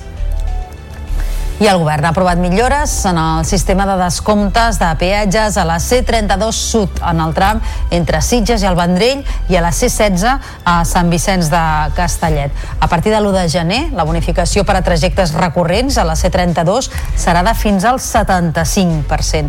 La mesura busca alleugerir el trànsit a la C31, a més d'esmorteir també l'efecte de la inflació per als veïns obligats a passar per aquest tram, com són els de Cubelles o Calafell. I ajuntaments i govern espanyol treballen ara amb la data del 30 de gener per obrir la B40 entre Abrera i Viladecavalls. Així ho ha detallat els alcaldes en una trobada de l'arc metropolità on han mostrat un cert escepticisme. Durant aquesta reunió també han reclamat a la Generalitat que treballi per poder fer front a episodis crítics de sequera com el que està vivint el país i que no carregui la responsabilitat als ajuntaments. En aquest sentit han lamentat el seguit de sancions que alguns consistoris han començat a rebre perquè han accedit al consum d'aigua. Ana Maria Martínez és alcaldessa de Rubí i nova presidenta de l'Arc Metropolità. El que no podem fer els ajuntaments és inventar-nos la pluja, ja, ja ens agradaria fer, saber fer és molt seriós el tema però i, i si m'ho permeten saber te, conèixer algun ritual perquè plogués, això no passarà és, és ciència i la meteorologia i la ciència ens diu que continuarem tenim la inexistència de pluja i per tant el que s'ha de buscar és l'alternativa a aquesta, a aquesta situació. I marxem ara cap al Pla de Lleida, on la intensa boira de les últimes hores ha obligat a activar per primera vegada el sistema per baixa visibilitat a l'autopista AP2 entre Castelldans i les Borges Blanques. Un dispositiu, el primer d'aquestes característiques, que s'instal·la a l'Estat amb un mecanisme automàtic que s'activa segons la densitat de la boira i les condicions de visibilitat. Així, en direcció Barcelona, un sistema làser delimita els carrils de la calçada i fa senyals intermitents si detecta un vehicle aturat aturat o que circula a baixa velocitat. En sentit Lleida, el que s'han instal·lat són balisses de colors. A més, panells informatius i càmeres permeten limitar la velocitat o restringir la circulació a un únic carril.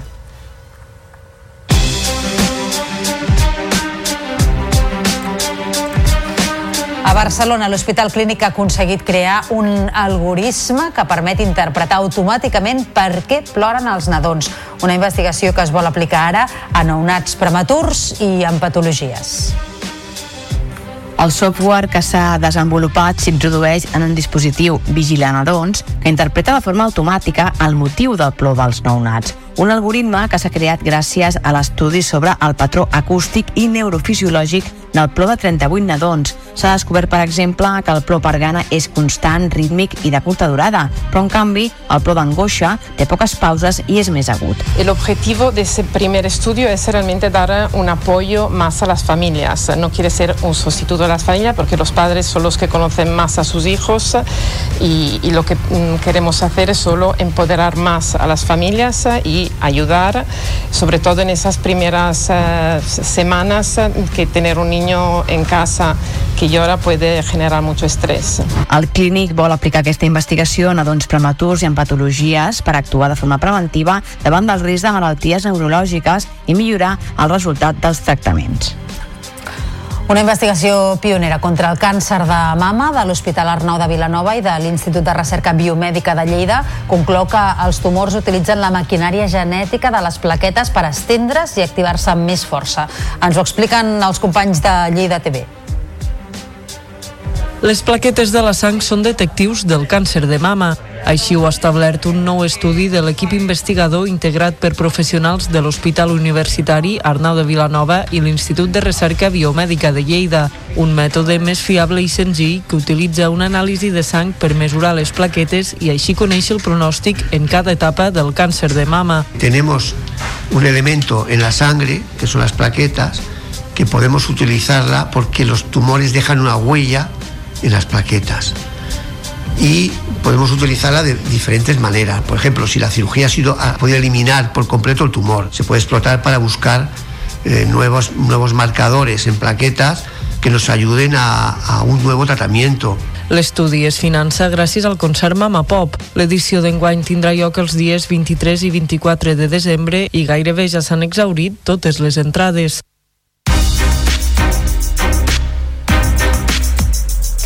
La Guàrdia Urbana de Figueres va abatre ahir a trets un home que s'havia presentat a casa de l'excunyada i la neboda amb una escopeta. Segons fons municipals, l'individu d'uns 50 anys va amenaçar les dues dones que s'havien refugiat a l'interior de l'habitatge i va obrir foc. Les dones van trucar a una veïna, agent de la policia, que ella mateixa hauria avisat a la Guàrdia Urbana. Quan els agents s'hi van personar, l'home els va disparar i la Guàrdia Urbana va respondre-li amb diversos trets que van acabar amb la seva vida. I el Gabinet de Coordinació Antiterrorista ha analitzat en les darreres hores les noves mesures de seguretat vinculades amb l'actual situació de risc i amenaça a Catalunya i que s'han posat en marxa amb motiu de l'inici de les festes de Nadal. Els Mossos han donat indicacions d'autoprotecció, prevenció i reacció a possibles atemptats terroristes a tots els seus agents, a les policies locals i als agents de seguretat privada que patrullaran per llocs molt concorreguts aquestes festes. Són unes mesures que se sumen a les que actualment estan vigents de prevenció i protecció en els seus, consular, en seus consulars i diplomàtiques vinculades amb el conflicte al Pròxim Orient i també en llocs de culte de la comunitat jueva.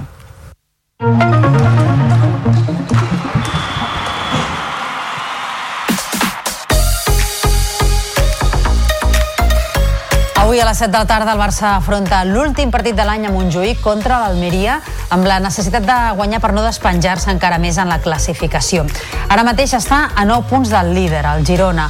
Ho farà però sense Pedri, que s'ha tornat a lesionar muscularment i que estarà unes 3 setmanes de baixa. L'entrenador del Barça, Xavi Hernández, no dona per perduda la Lliga. Després de de tres partits sense aconseguir-ho crec que necessitem aquesta victòria eh? de, de sensacions de confiança tres punts i, i continuar creient que encara hi ha Lliga que encara tenim matemàticament possibilitats evidentment per, eh, per guanyar-la, que se'ns ha posat difícil, però que hem d'anar pas per pas i demà és un pas important. Creiem que, que tornem a tenir bon futbol, però necessitem guanyar partits.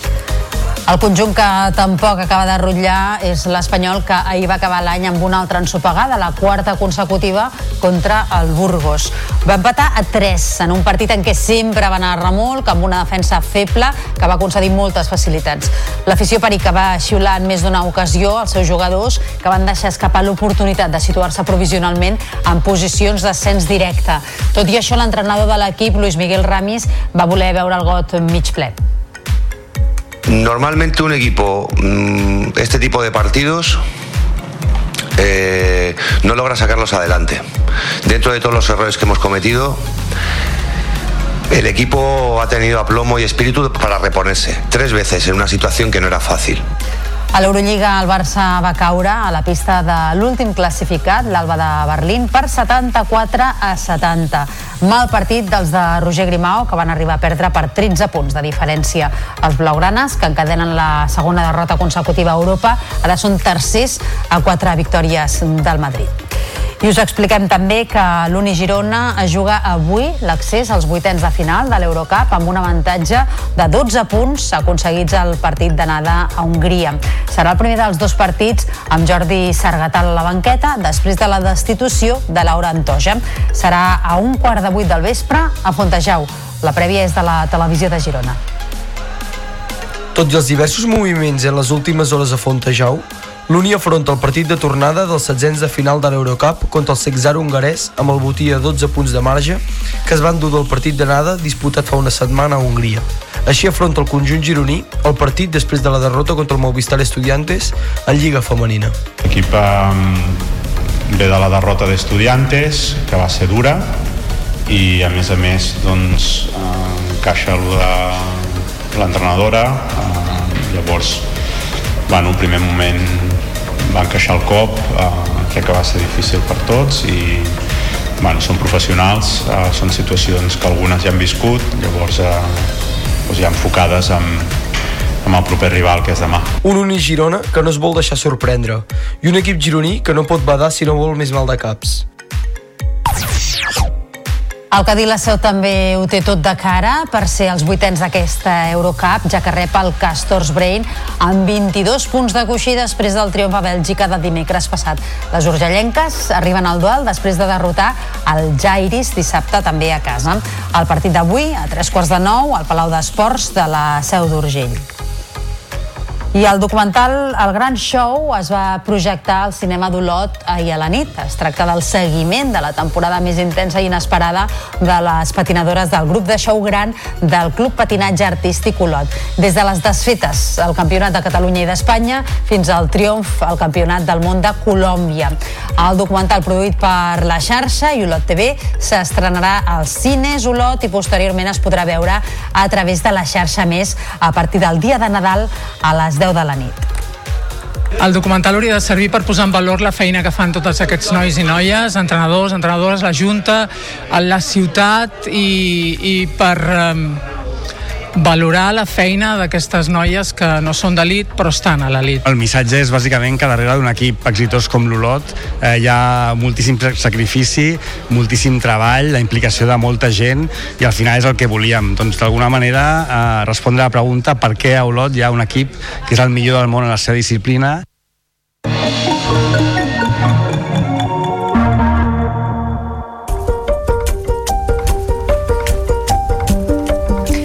Ciutat, planeta i la creació i el pensament són les tres grans línies temàtiques del Centre de Cultura Contemporània de Barcelona per al 2024. Al voltant d'aquests eixos giraran les exposicions i els debats de la institució, sense oblidar el programa audiovisual en festivals com el Brain Film Fest o les iniciatives de mediació, amb especial compromís amb el barri del Raval. Ens en parla el David Navarro. Els tres eixos temàtics es visualitzaran en tres grans exposicions. Subúrbia, la construcció del somni americà, sobre el model de ciutat nord-americana, Agnès Bardà, que aprofundirà sobre la figura d'una cineasta precursora de la novel Bach, i Amazònies, el futur ancestral, que té l'objectiu de conscienciar sobre la importància d'aquest pulmó verd del planeta.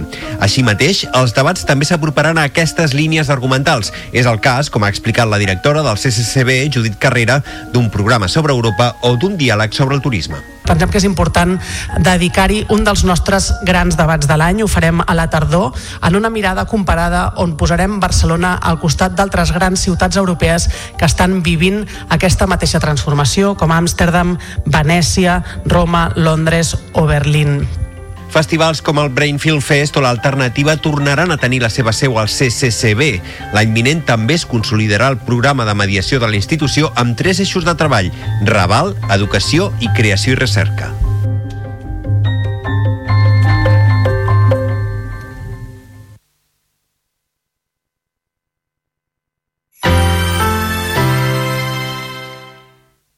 La xarxa de comunicació local.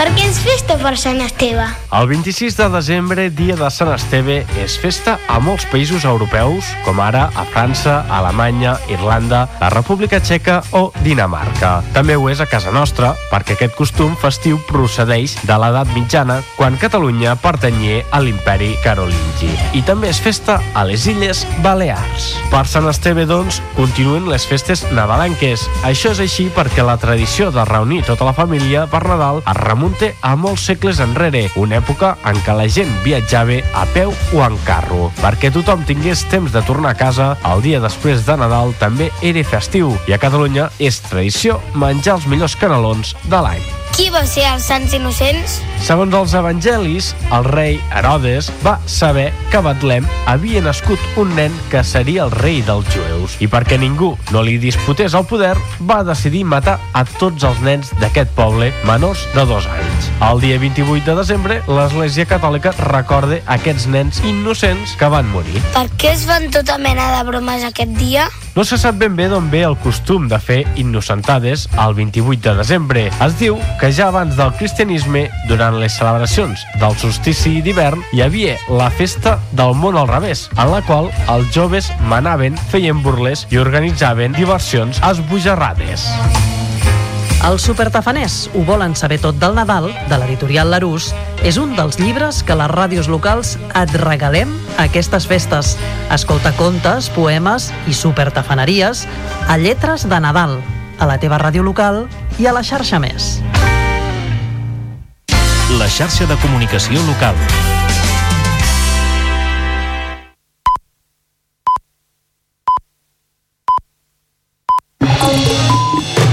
Notícies en xarxa, edició matí, amb Taís Trujillo.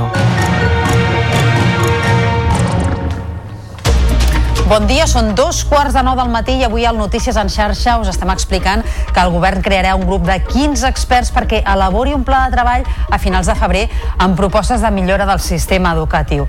Aquest és el principal acord entre l'executiu i els diferents partits en la cimera convocada pel president de la Generalitat a Palau per buscar la manera de revertir els mals resultats de l'informe PISA a Catalunya. El grup de treball hauria d'especificar mesures per aplicar el curs vinent i d'altres a mitjà i llarg termini. L'oposició es mou entre l'escepticisme i les crítiques per la poca fermesa en la presa de decisions. Pedro Sánchez es reunirà amb Carles Puigdemont i Oriol Junqueras un cop s'aprovi la llei d'amnistia. Sense fixar de moment cap data, ho emmarca dins del clima de normalització de la política. I la trobada a Palau entre Sánchez i el president aragonès serà demà.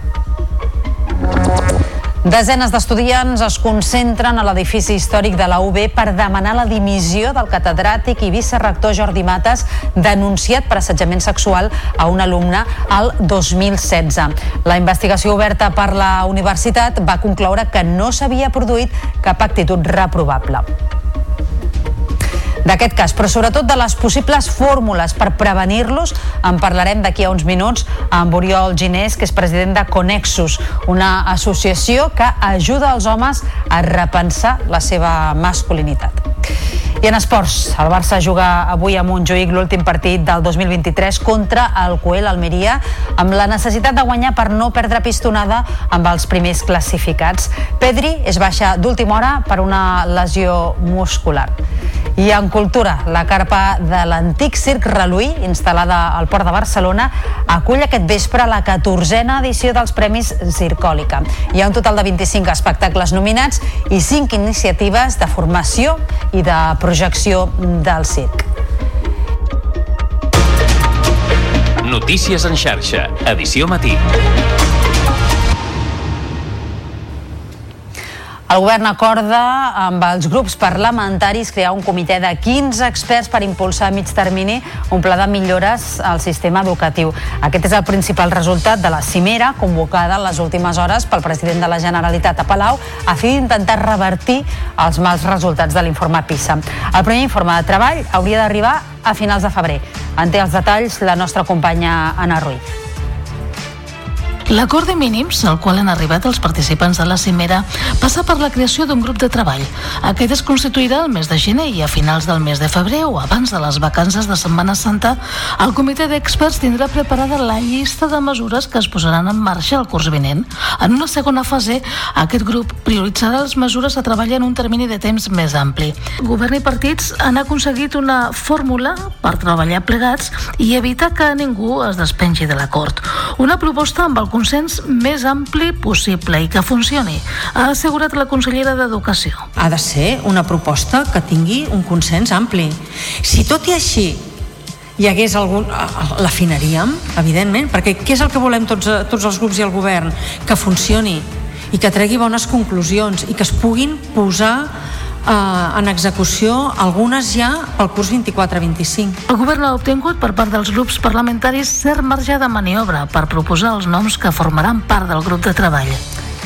Des de l'oposició, els diferents partits han criticat la gestió del govern, malgrat valorar el pas d'abordar la qüestió buscant el consens, consideren que la feina arriba tard, qüestionen el lideratge de la Generalitat i critiquen mancances en la presa de decisions. Escoltem Esther Niubó, del PSC, Albert Batet, de Junts, Carles Riera, de la CUP, Carlos Carrizosa, de Ciutadans i Jèssica Albiach, d'en Comú Podem.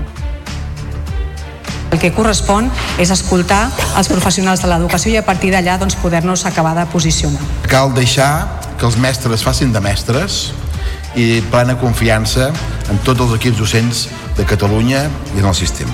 I un govern i un departament d'educació que en lloc de donar respostes urgents a una situació de crisi educativa greu, centrifuga responsabilitats, desplaça responsabilitats cap a altres àmbits del món educatiu. Nosotros hemos sido los únicos que han hablado de esfuerzo.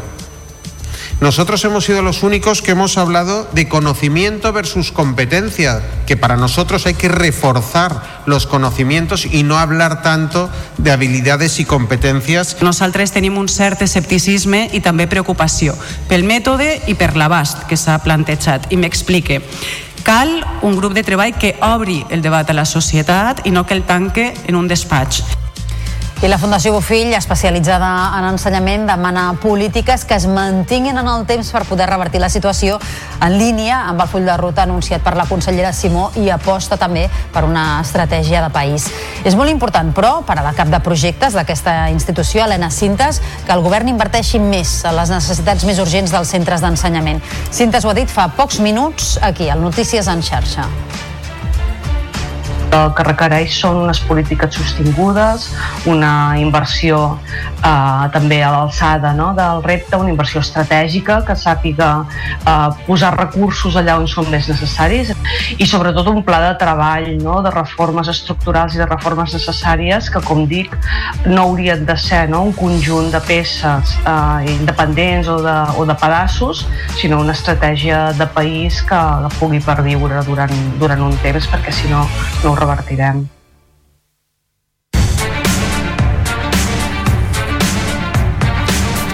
El president Pedro Sánchez i el president Pere Aragonès es reuniran aquest dijous al Palau de la Generalitat tal com era previst fa dies i en els pròxims mesos, un cop s'aprovi la llei d'amnistia al Congrés de Diputats, Pedro Sánchez es reunirà sovint i per separat amb l'expresident Carles Puigdemont i amb el president d'Esquerra Republicana de Catalunya, Oriol Junqueras. Ens ho explica la nostra companya Montcarvajal. Carvajal.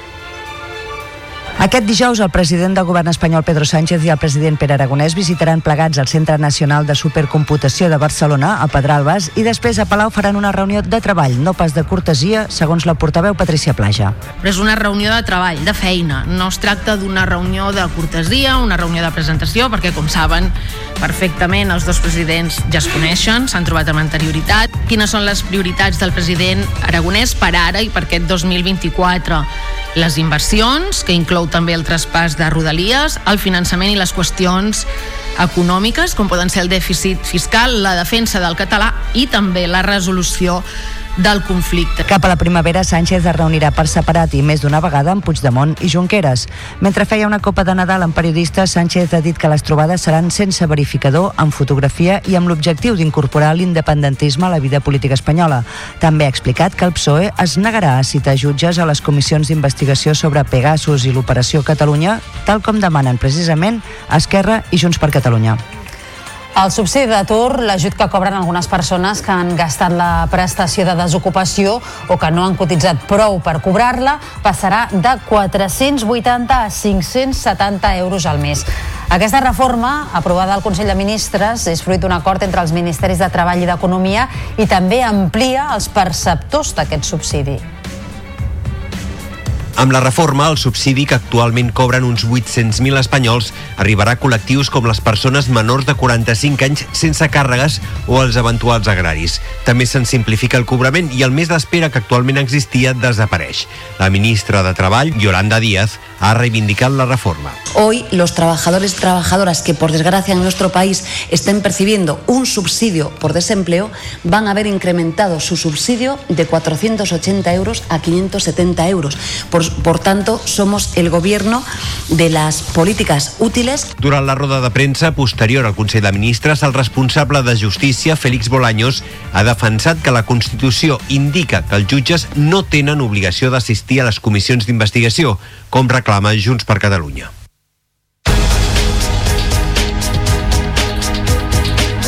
I marxem ara cap a Osona perquè allà el municipi de Centelles inaugura avui el primer parc solar municipal de la província de Barcelona. Ubicat al polígon industrial de la Gavarra, el parc vol impulsar actuacions de caràcter emblemàtic i de gran escala per tal de reduir les emissions de gasos d'efecte hivernacle i també els costos energètics locals.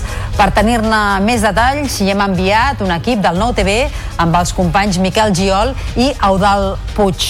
Eudal, molt bon dia. Hola, molt bon dia. Doncs sí, correcte. Com estàveu comentant, aquí a Centelles està a punt d'inaugurar aquest primer parc fotovoltaic municipal de tota la província de Barcelona amb, pròxim, amb aproximadament unes uh, 2.000 plaques fotovoltaiques que això pot donar molta potència en el municipi. Per parlar-ne i per uh, comentar tot el plegat uh, referent a aquesta instal·lació podem parlar amb el que és l'alcalde de Centelles, en Josep Paré. Josep, molt bon dia. Molt bon dia. Escolta'm, uh, la inauguració s'està a punt de fer aquest migdia. Uh, què en podem? Home, primer de tot, eh, és un dia que fa molta il·lusió. A més, és un projecte doncs, que el vam redactar l'any 2019 i que gràcies al programa Renovables 2030 de la Diputació l'hem pogut tirar endavant. Estem parlant d'una instal·lació d'un milió i mig d'euros que generarà un megawatt i que la Diputació ja ha apartat un, un milió d'euros, més mig milió que ens ha permès engegar dos iniciatives me, més de pàrquings solars que els gestionem en comunitat energètica, un autoconsum compartit en el teatre i, per tant, diferents exemples de com eh, des de Centelles estem contribuint a generar energia des del municipi, contribuir doncs, a un món més sostenible i en aquesta transició energètica iniciatives des de l'àmbit local són possibles gràcies a la voluntat eh, dels municipis i el suport d'altres administracions. Precisament aquesta potència que comentaves, eh, la que pot arribar a generar aquest eh, parc fotovoltaic, és la que necessita Centelles? En necessita més? El que és important és que es vagin generant instal·lacions, perquè evidentment la generació d'energia ha de ser de diferents nivells, però aquí, per exemple, es, es va desafectar aquests terrenys públics per el, el desplegament de la línia de molt alta tensió per una altra zona i per tant va generar aquesta oportunitat de fer aquest projecte i per tant doncs, un lloc on passava una línia de molt alta tensió ara estem generant energia verda i per tant doncs, estem contribuint a generar energia de proximitat en el món local, energia solar i a més en un municipi municipi que l'any 2026 farà 100 anys que tenim companyia elèctrica municipal i que per tant és un dia molt important per Centelles, molt important per la província de Barcelona i un exemple a seguir per altres pobles. Precisament això, eh, que el 2026 farà aquesta data de celebració i al final amb aquesta instal·lació fotovoltaica també talleu, eh, tan, eh, tanqueu una miqueta el cicle de la generació de l'energia, de la distribució, etc. no? Centelles, si pràcticament durant 100 anys ha pogut generar energia pública o gestionar energia pública és perquè ho hem fet des d'una vessant eh, empresarial, de dir, són empreses que tenen molta importància per Centelles, però que s'ha d'anar reinvertint doncs, eh, de forma constant i l'exemple doncs, és que a dia d'avui estem generant energia, comercialitzant i distribuint en el 100% del terme municipal, amb altres iniciatives com fibra òptica municipal i per tant són elements que permeten visualitzar que des d'una bona gestió pública municipal i en projectes molt concrets es poden donar serveis de molta qualitat, iniciatives pioneres i la veritat doncs, és que poder eh, engegar aquesta iniciativa d'un megawatt, a més amb un diputat que coneix molt bé Centelles i que per tant comptem amb el suport de Diputació també a la inauguració, la veritat és que fa molta, moltíssima il·lusió. Això és el que tenim ara en el present, però de cara un futur, quines poden ser les següents passes? Uh, els equipaments uh, s'han de fer més eficients, per tant amb això doncs, esperem que la Generalitat doncs, acompanyi en poder modernitzar instal·lacions com la residència, com l'escola Bressol, com centres a, educatius. Tenim autoconsum en la majoria d'escoles públiques, però podem avançar tranquil·lament amb, amb la zona esportiva i, per tant, amb altres iniciatives. Tenim dos pàrquings solars que permeten doncs, generar energia i, i els podem gestionar a través de comunitats energètiques públiques. Podem generar nous uh, aparcaments. Amb el tema de mobilitat sostenible, que vam de licitar quatre punts de càrrega i ja en teníem, en teníem tres més de, de públics. Per tant, vol dir que el tema de la transició energètica, el desenvolupament sostenible, són elements que són molt transversals, que des del món local es poden fer moltes iniciatives, però si ho concretéssim amb l'energia, doncs sí que és veritat que el tema d'eficiència energètica, amb canvis d'enllumenat públic, amb canvis d'enllumenat en els equipaments, nosaltres ens sembla que aquest 2024 podem arribar a tenir el 100% de l'enllumenat eh, substituït, per tant, diferents elements, diferents mesures que estan a l'àmbit dels municipis, que evidentment són inversions amb les que s'hi ha de creure, però que perquè a vegades la ciutadania no ho veu i per això la importància de poder explicar la importància d'aquesta inversió que avui inaugurarem perquè són inversions de futur, inversions doncs, que permeten generar energia des de la proximitat i en definitiva des de l'administració pública generar un missatge de que els privats també poden i han d'invertir en fer un món més just a, a nivell energètic. Doncs Josep Paré, alcalde de Centelles, moltes gràcies per ser amb nosaltres i vosaltres ja ho veieu. De seguida està a punt de sortir el sol i aquestes plaques començaran a funcionar a ple rendiment perquè Centelles pugui començar a consumir i generar la seva pròpia energia. Adel Puig, companys del Nou TV, gràcies per aquesta connexió en directe. Molt bon dia. Notícies en xarxa. Informació al detall.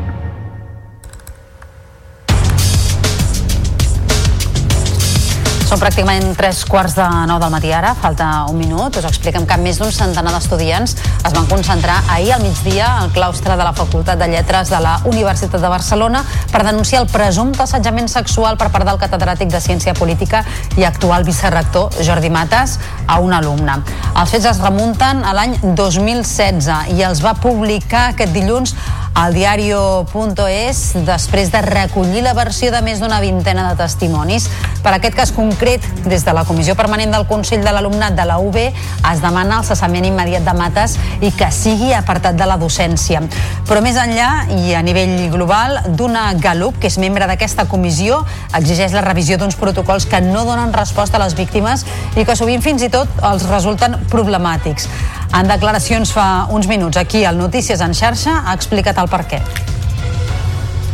El fet que siguin tres homes els que puguin avaluar si has estat o no agredida o que, com va dir el mateix conseller de, d'universitats fa uns pocs dies, qui acull la denúncia i qui té tota la facultat per decidir si s'aplica o no és el rector de cada universitat. I això, evidentment, és problemàtic perquè recau en una única persona i no només en una única persona, sinó en una única persona que és el rector, que la seva principal funció al final acaba sent mantenir el prestigi de la seva universitat. Per tal de prevenir els assetjaments i també qualsevol altre comportament masclista, hi ha entitats com l'associació Conexus que du a terme programes a les universitats que ajuden els homes a repensar la seva masculinitat. En volem parlar d'aquesta qüestió amb Oriol Ginés, que és el president de Conexus. Oriol, molt bon dia. Hola, bon dia. Explica'ns eh, aquest programa que, que elabora la vostra associació i que oferiu i que dueu a terme a diferents universitats eh, catalanes. En què consisteix? Què és exactament?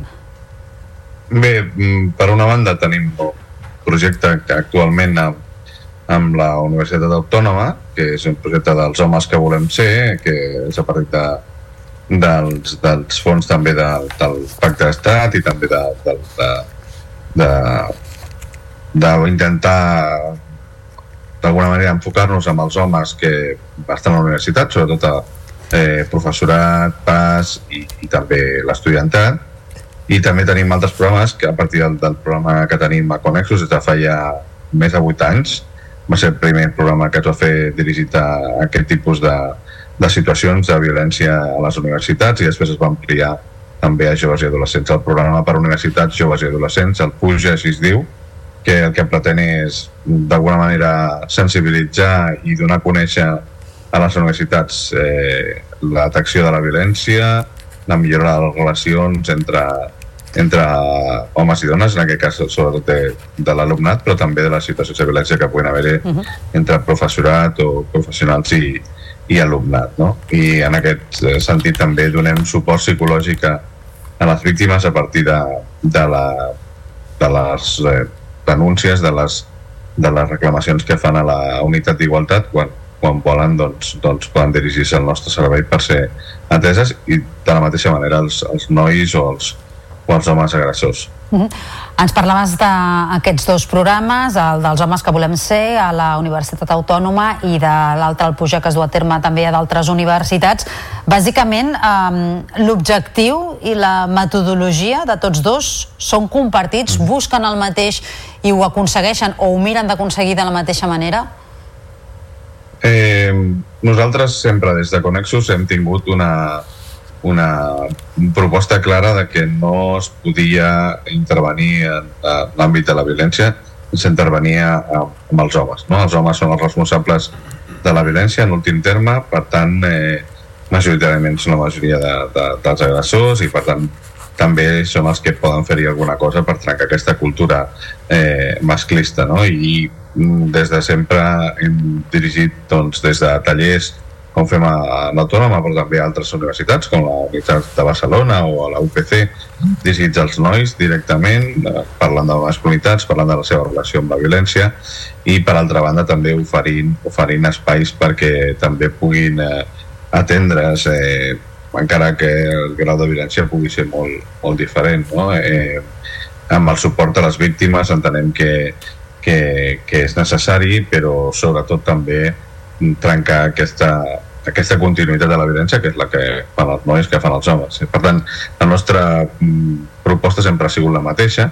Eh, sí que és veritat que això necessita un canvi cultural no? dintre de les institucions, eh, deixar, deixar de, aquesta camaraderia masculina, masclista, de donar suport a, a les violències dels altres homes, eh, de denunciar-ho, eh, i també demanar, demanar canvis juntament amb les, amb les dones, amb les, amb les noies estudiants també. No pot ser que siguin elles les úniques que, que aixequen la veu, no? Per sort eh, també hi ha altres, altres homes i professorat que, que estan també dient la seva i amb això és el que volem donar suport. Oriol Ginés, president de Conexus, aquesta entitat d'atenció, formació i investigació de les violències. Gràcies, molt bon dia i fins a la propera. A vosaltres, gràcies.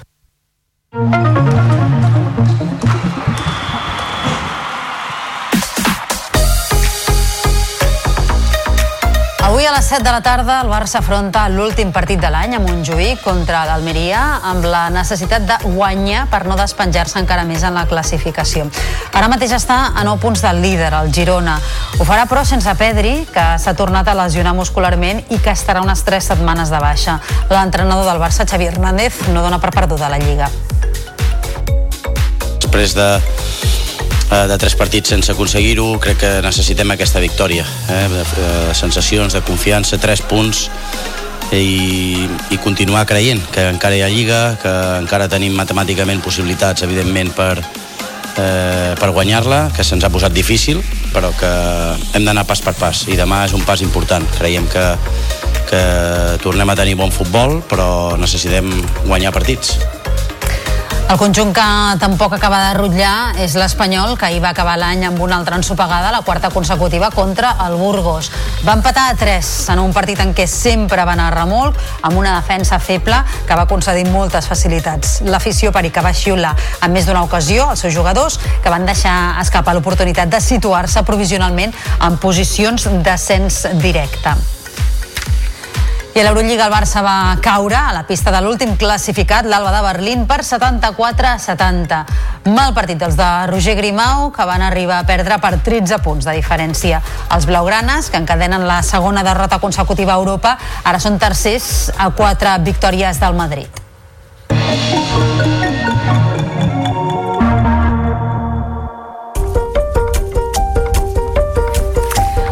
Aquest vespre, a partir de les 8, se celebra la gala dels Premis Circòlica, els Premis del Circ de Catalunya que arriben enguany a la seva 14a edició. Aquesta festa del circ es farà a la carpa de l'antic Circ Reluí, instal·lada al Port de Barcelona, i entre els nominats hi ha una producció de la xarxa ITAC 12. Es tracta de Rocket Talent Fest, una sèrie sobre el món dels pallassos. El seu coprotagonista és el David Sancho. David, molt bon dia. Hola, Teis, bon dia. Com estan els ànims de cara, de cara a aquesta nit, a aquesta 14a Bé, edició? estem, tra estem tranquil·lots, tranquil·lots com sempre.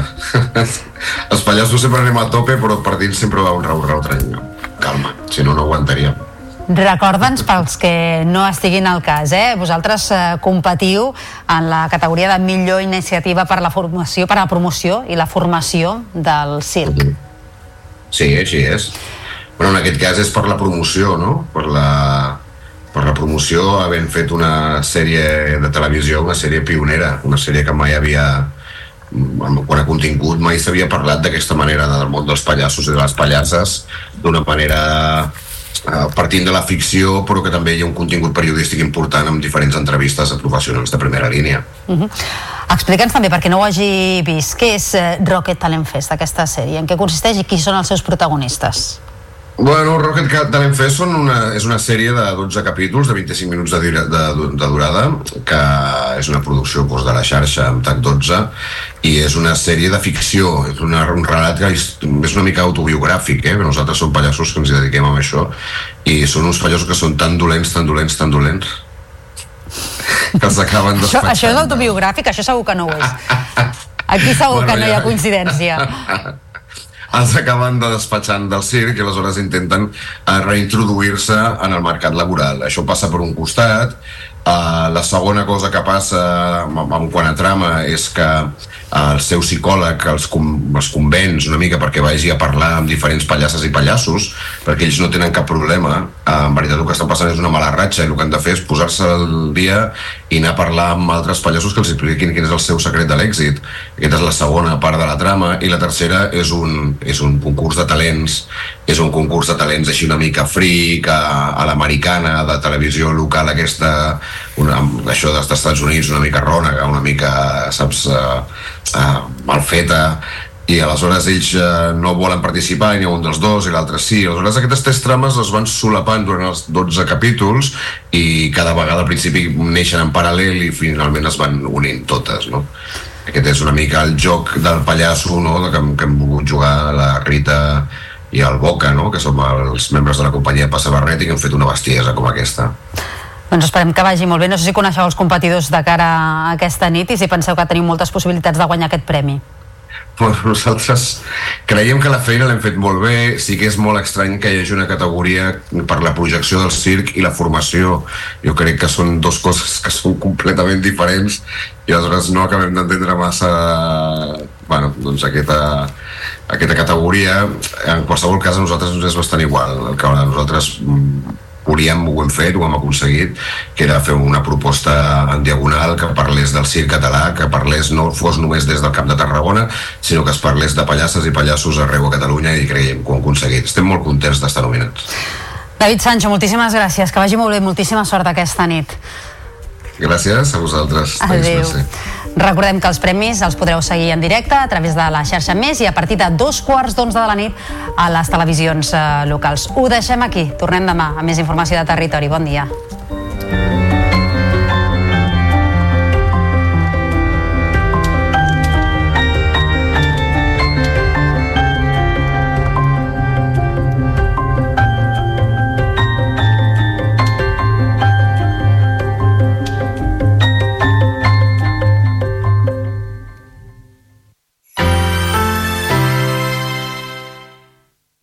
la xarxa de comunicació local.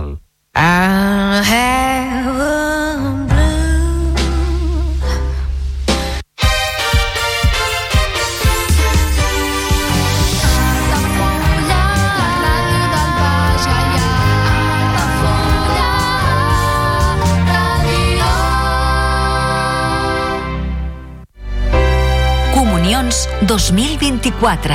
Dates ja disponibles amb sales privades, jardí, pàrquing privat i la millor gastronomia. Més informació i reserves al 977 65 11 55 i a comercial arroba altafullamarhotel.com o al web altafullamarhotel.com. Les teves celebracions familiars a l'Altafulla Mar Hotel. Ja coneixes les propostes que t'ofereix el Club Marítim Altafulla? Vine i descobreix totes les nostres activitats. Sortides en caiac o pa del surf, cursos de vela per a totes les edats. No t'ho perdis i gaudeix d'un dels esports més segurs d'aquest any. Club Marítim Altafulla. Obert tot l'any i per a tothom. Carrer Major, el programa de les emissores del Camp de Tarragona. Cada dia de 4 a 6 de la tarda, el que passa al Camp de Tarragona t'ho expliquem amb la major redacció d'un programa de territori quilòmetre zero. Periodisme de proximitat, continguts de qualitat, amb Anna Plaza i Toni Mateos. Carrer Major. Al meu país la pluja no sap ploure. Canvi climàtic asseca els rius. Posa en risc l'abastament d'aigua i la producció d'aliments. Treballem per fer front a la sequera i garantir l'aigua, però cal l'esforç de tothom. Cada gota compte. La pluja no la controles, l'aixeta sí. Generalitat de Catalunya. Sempre endavant.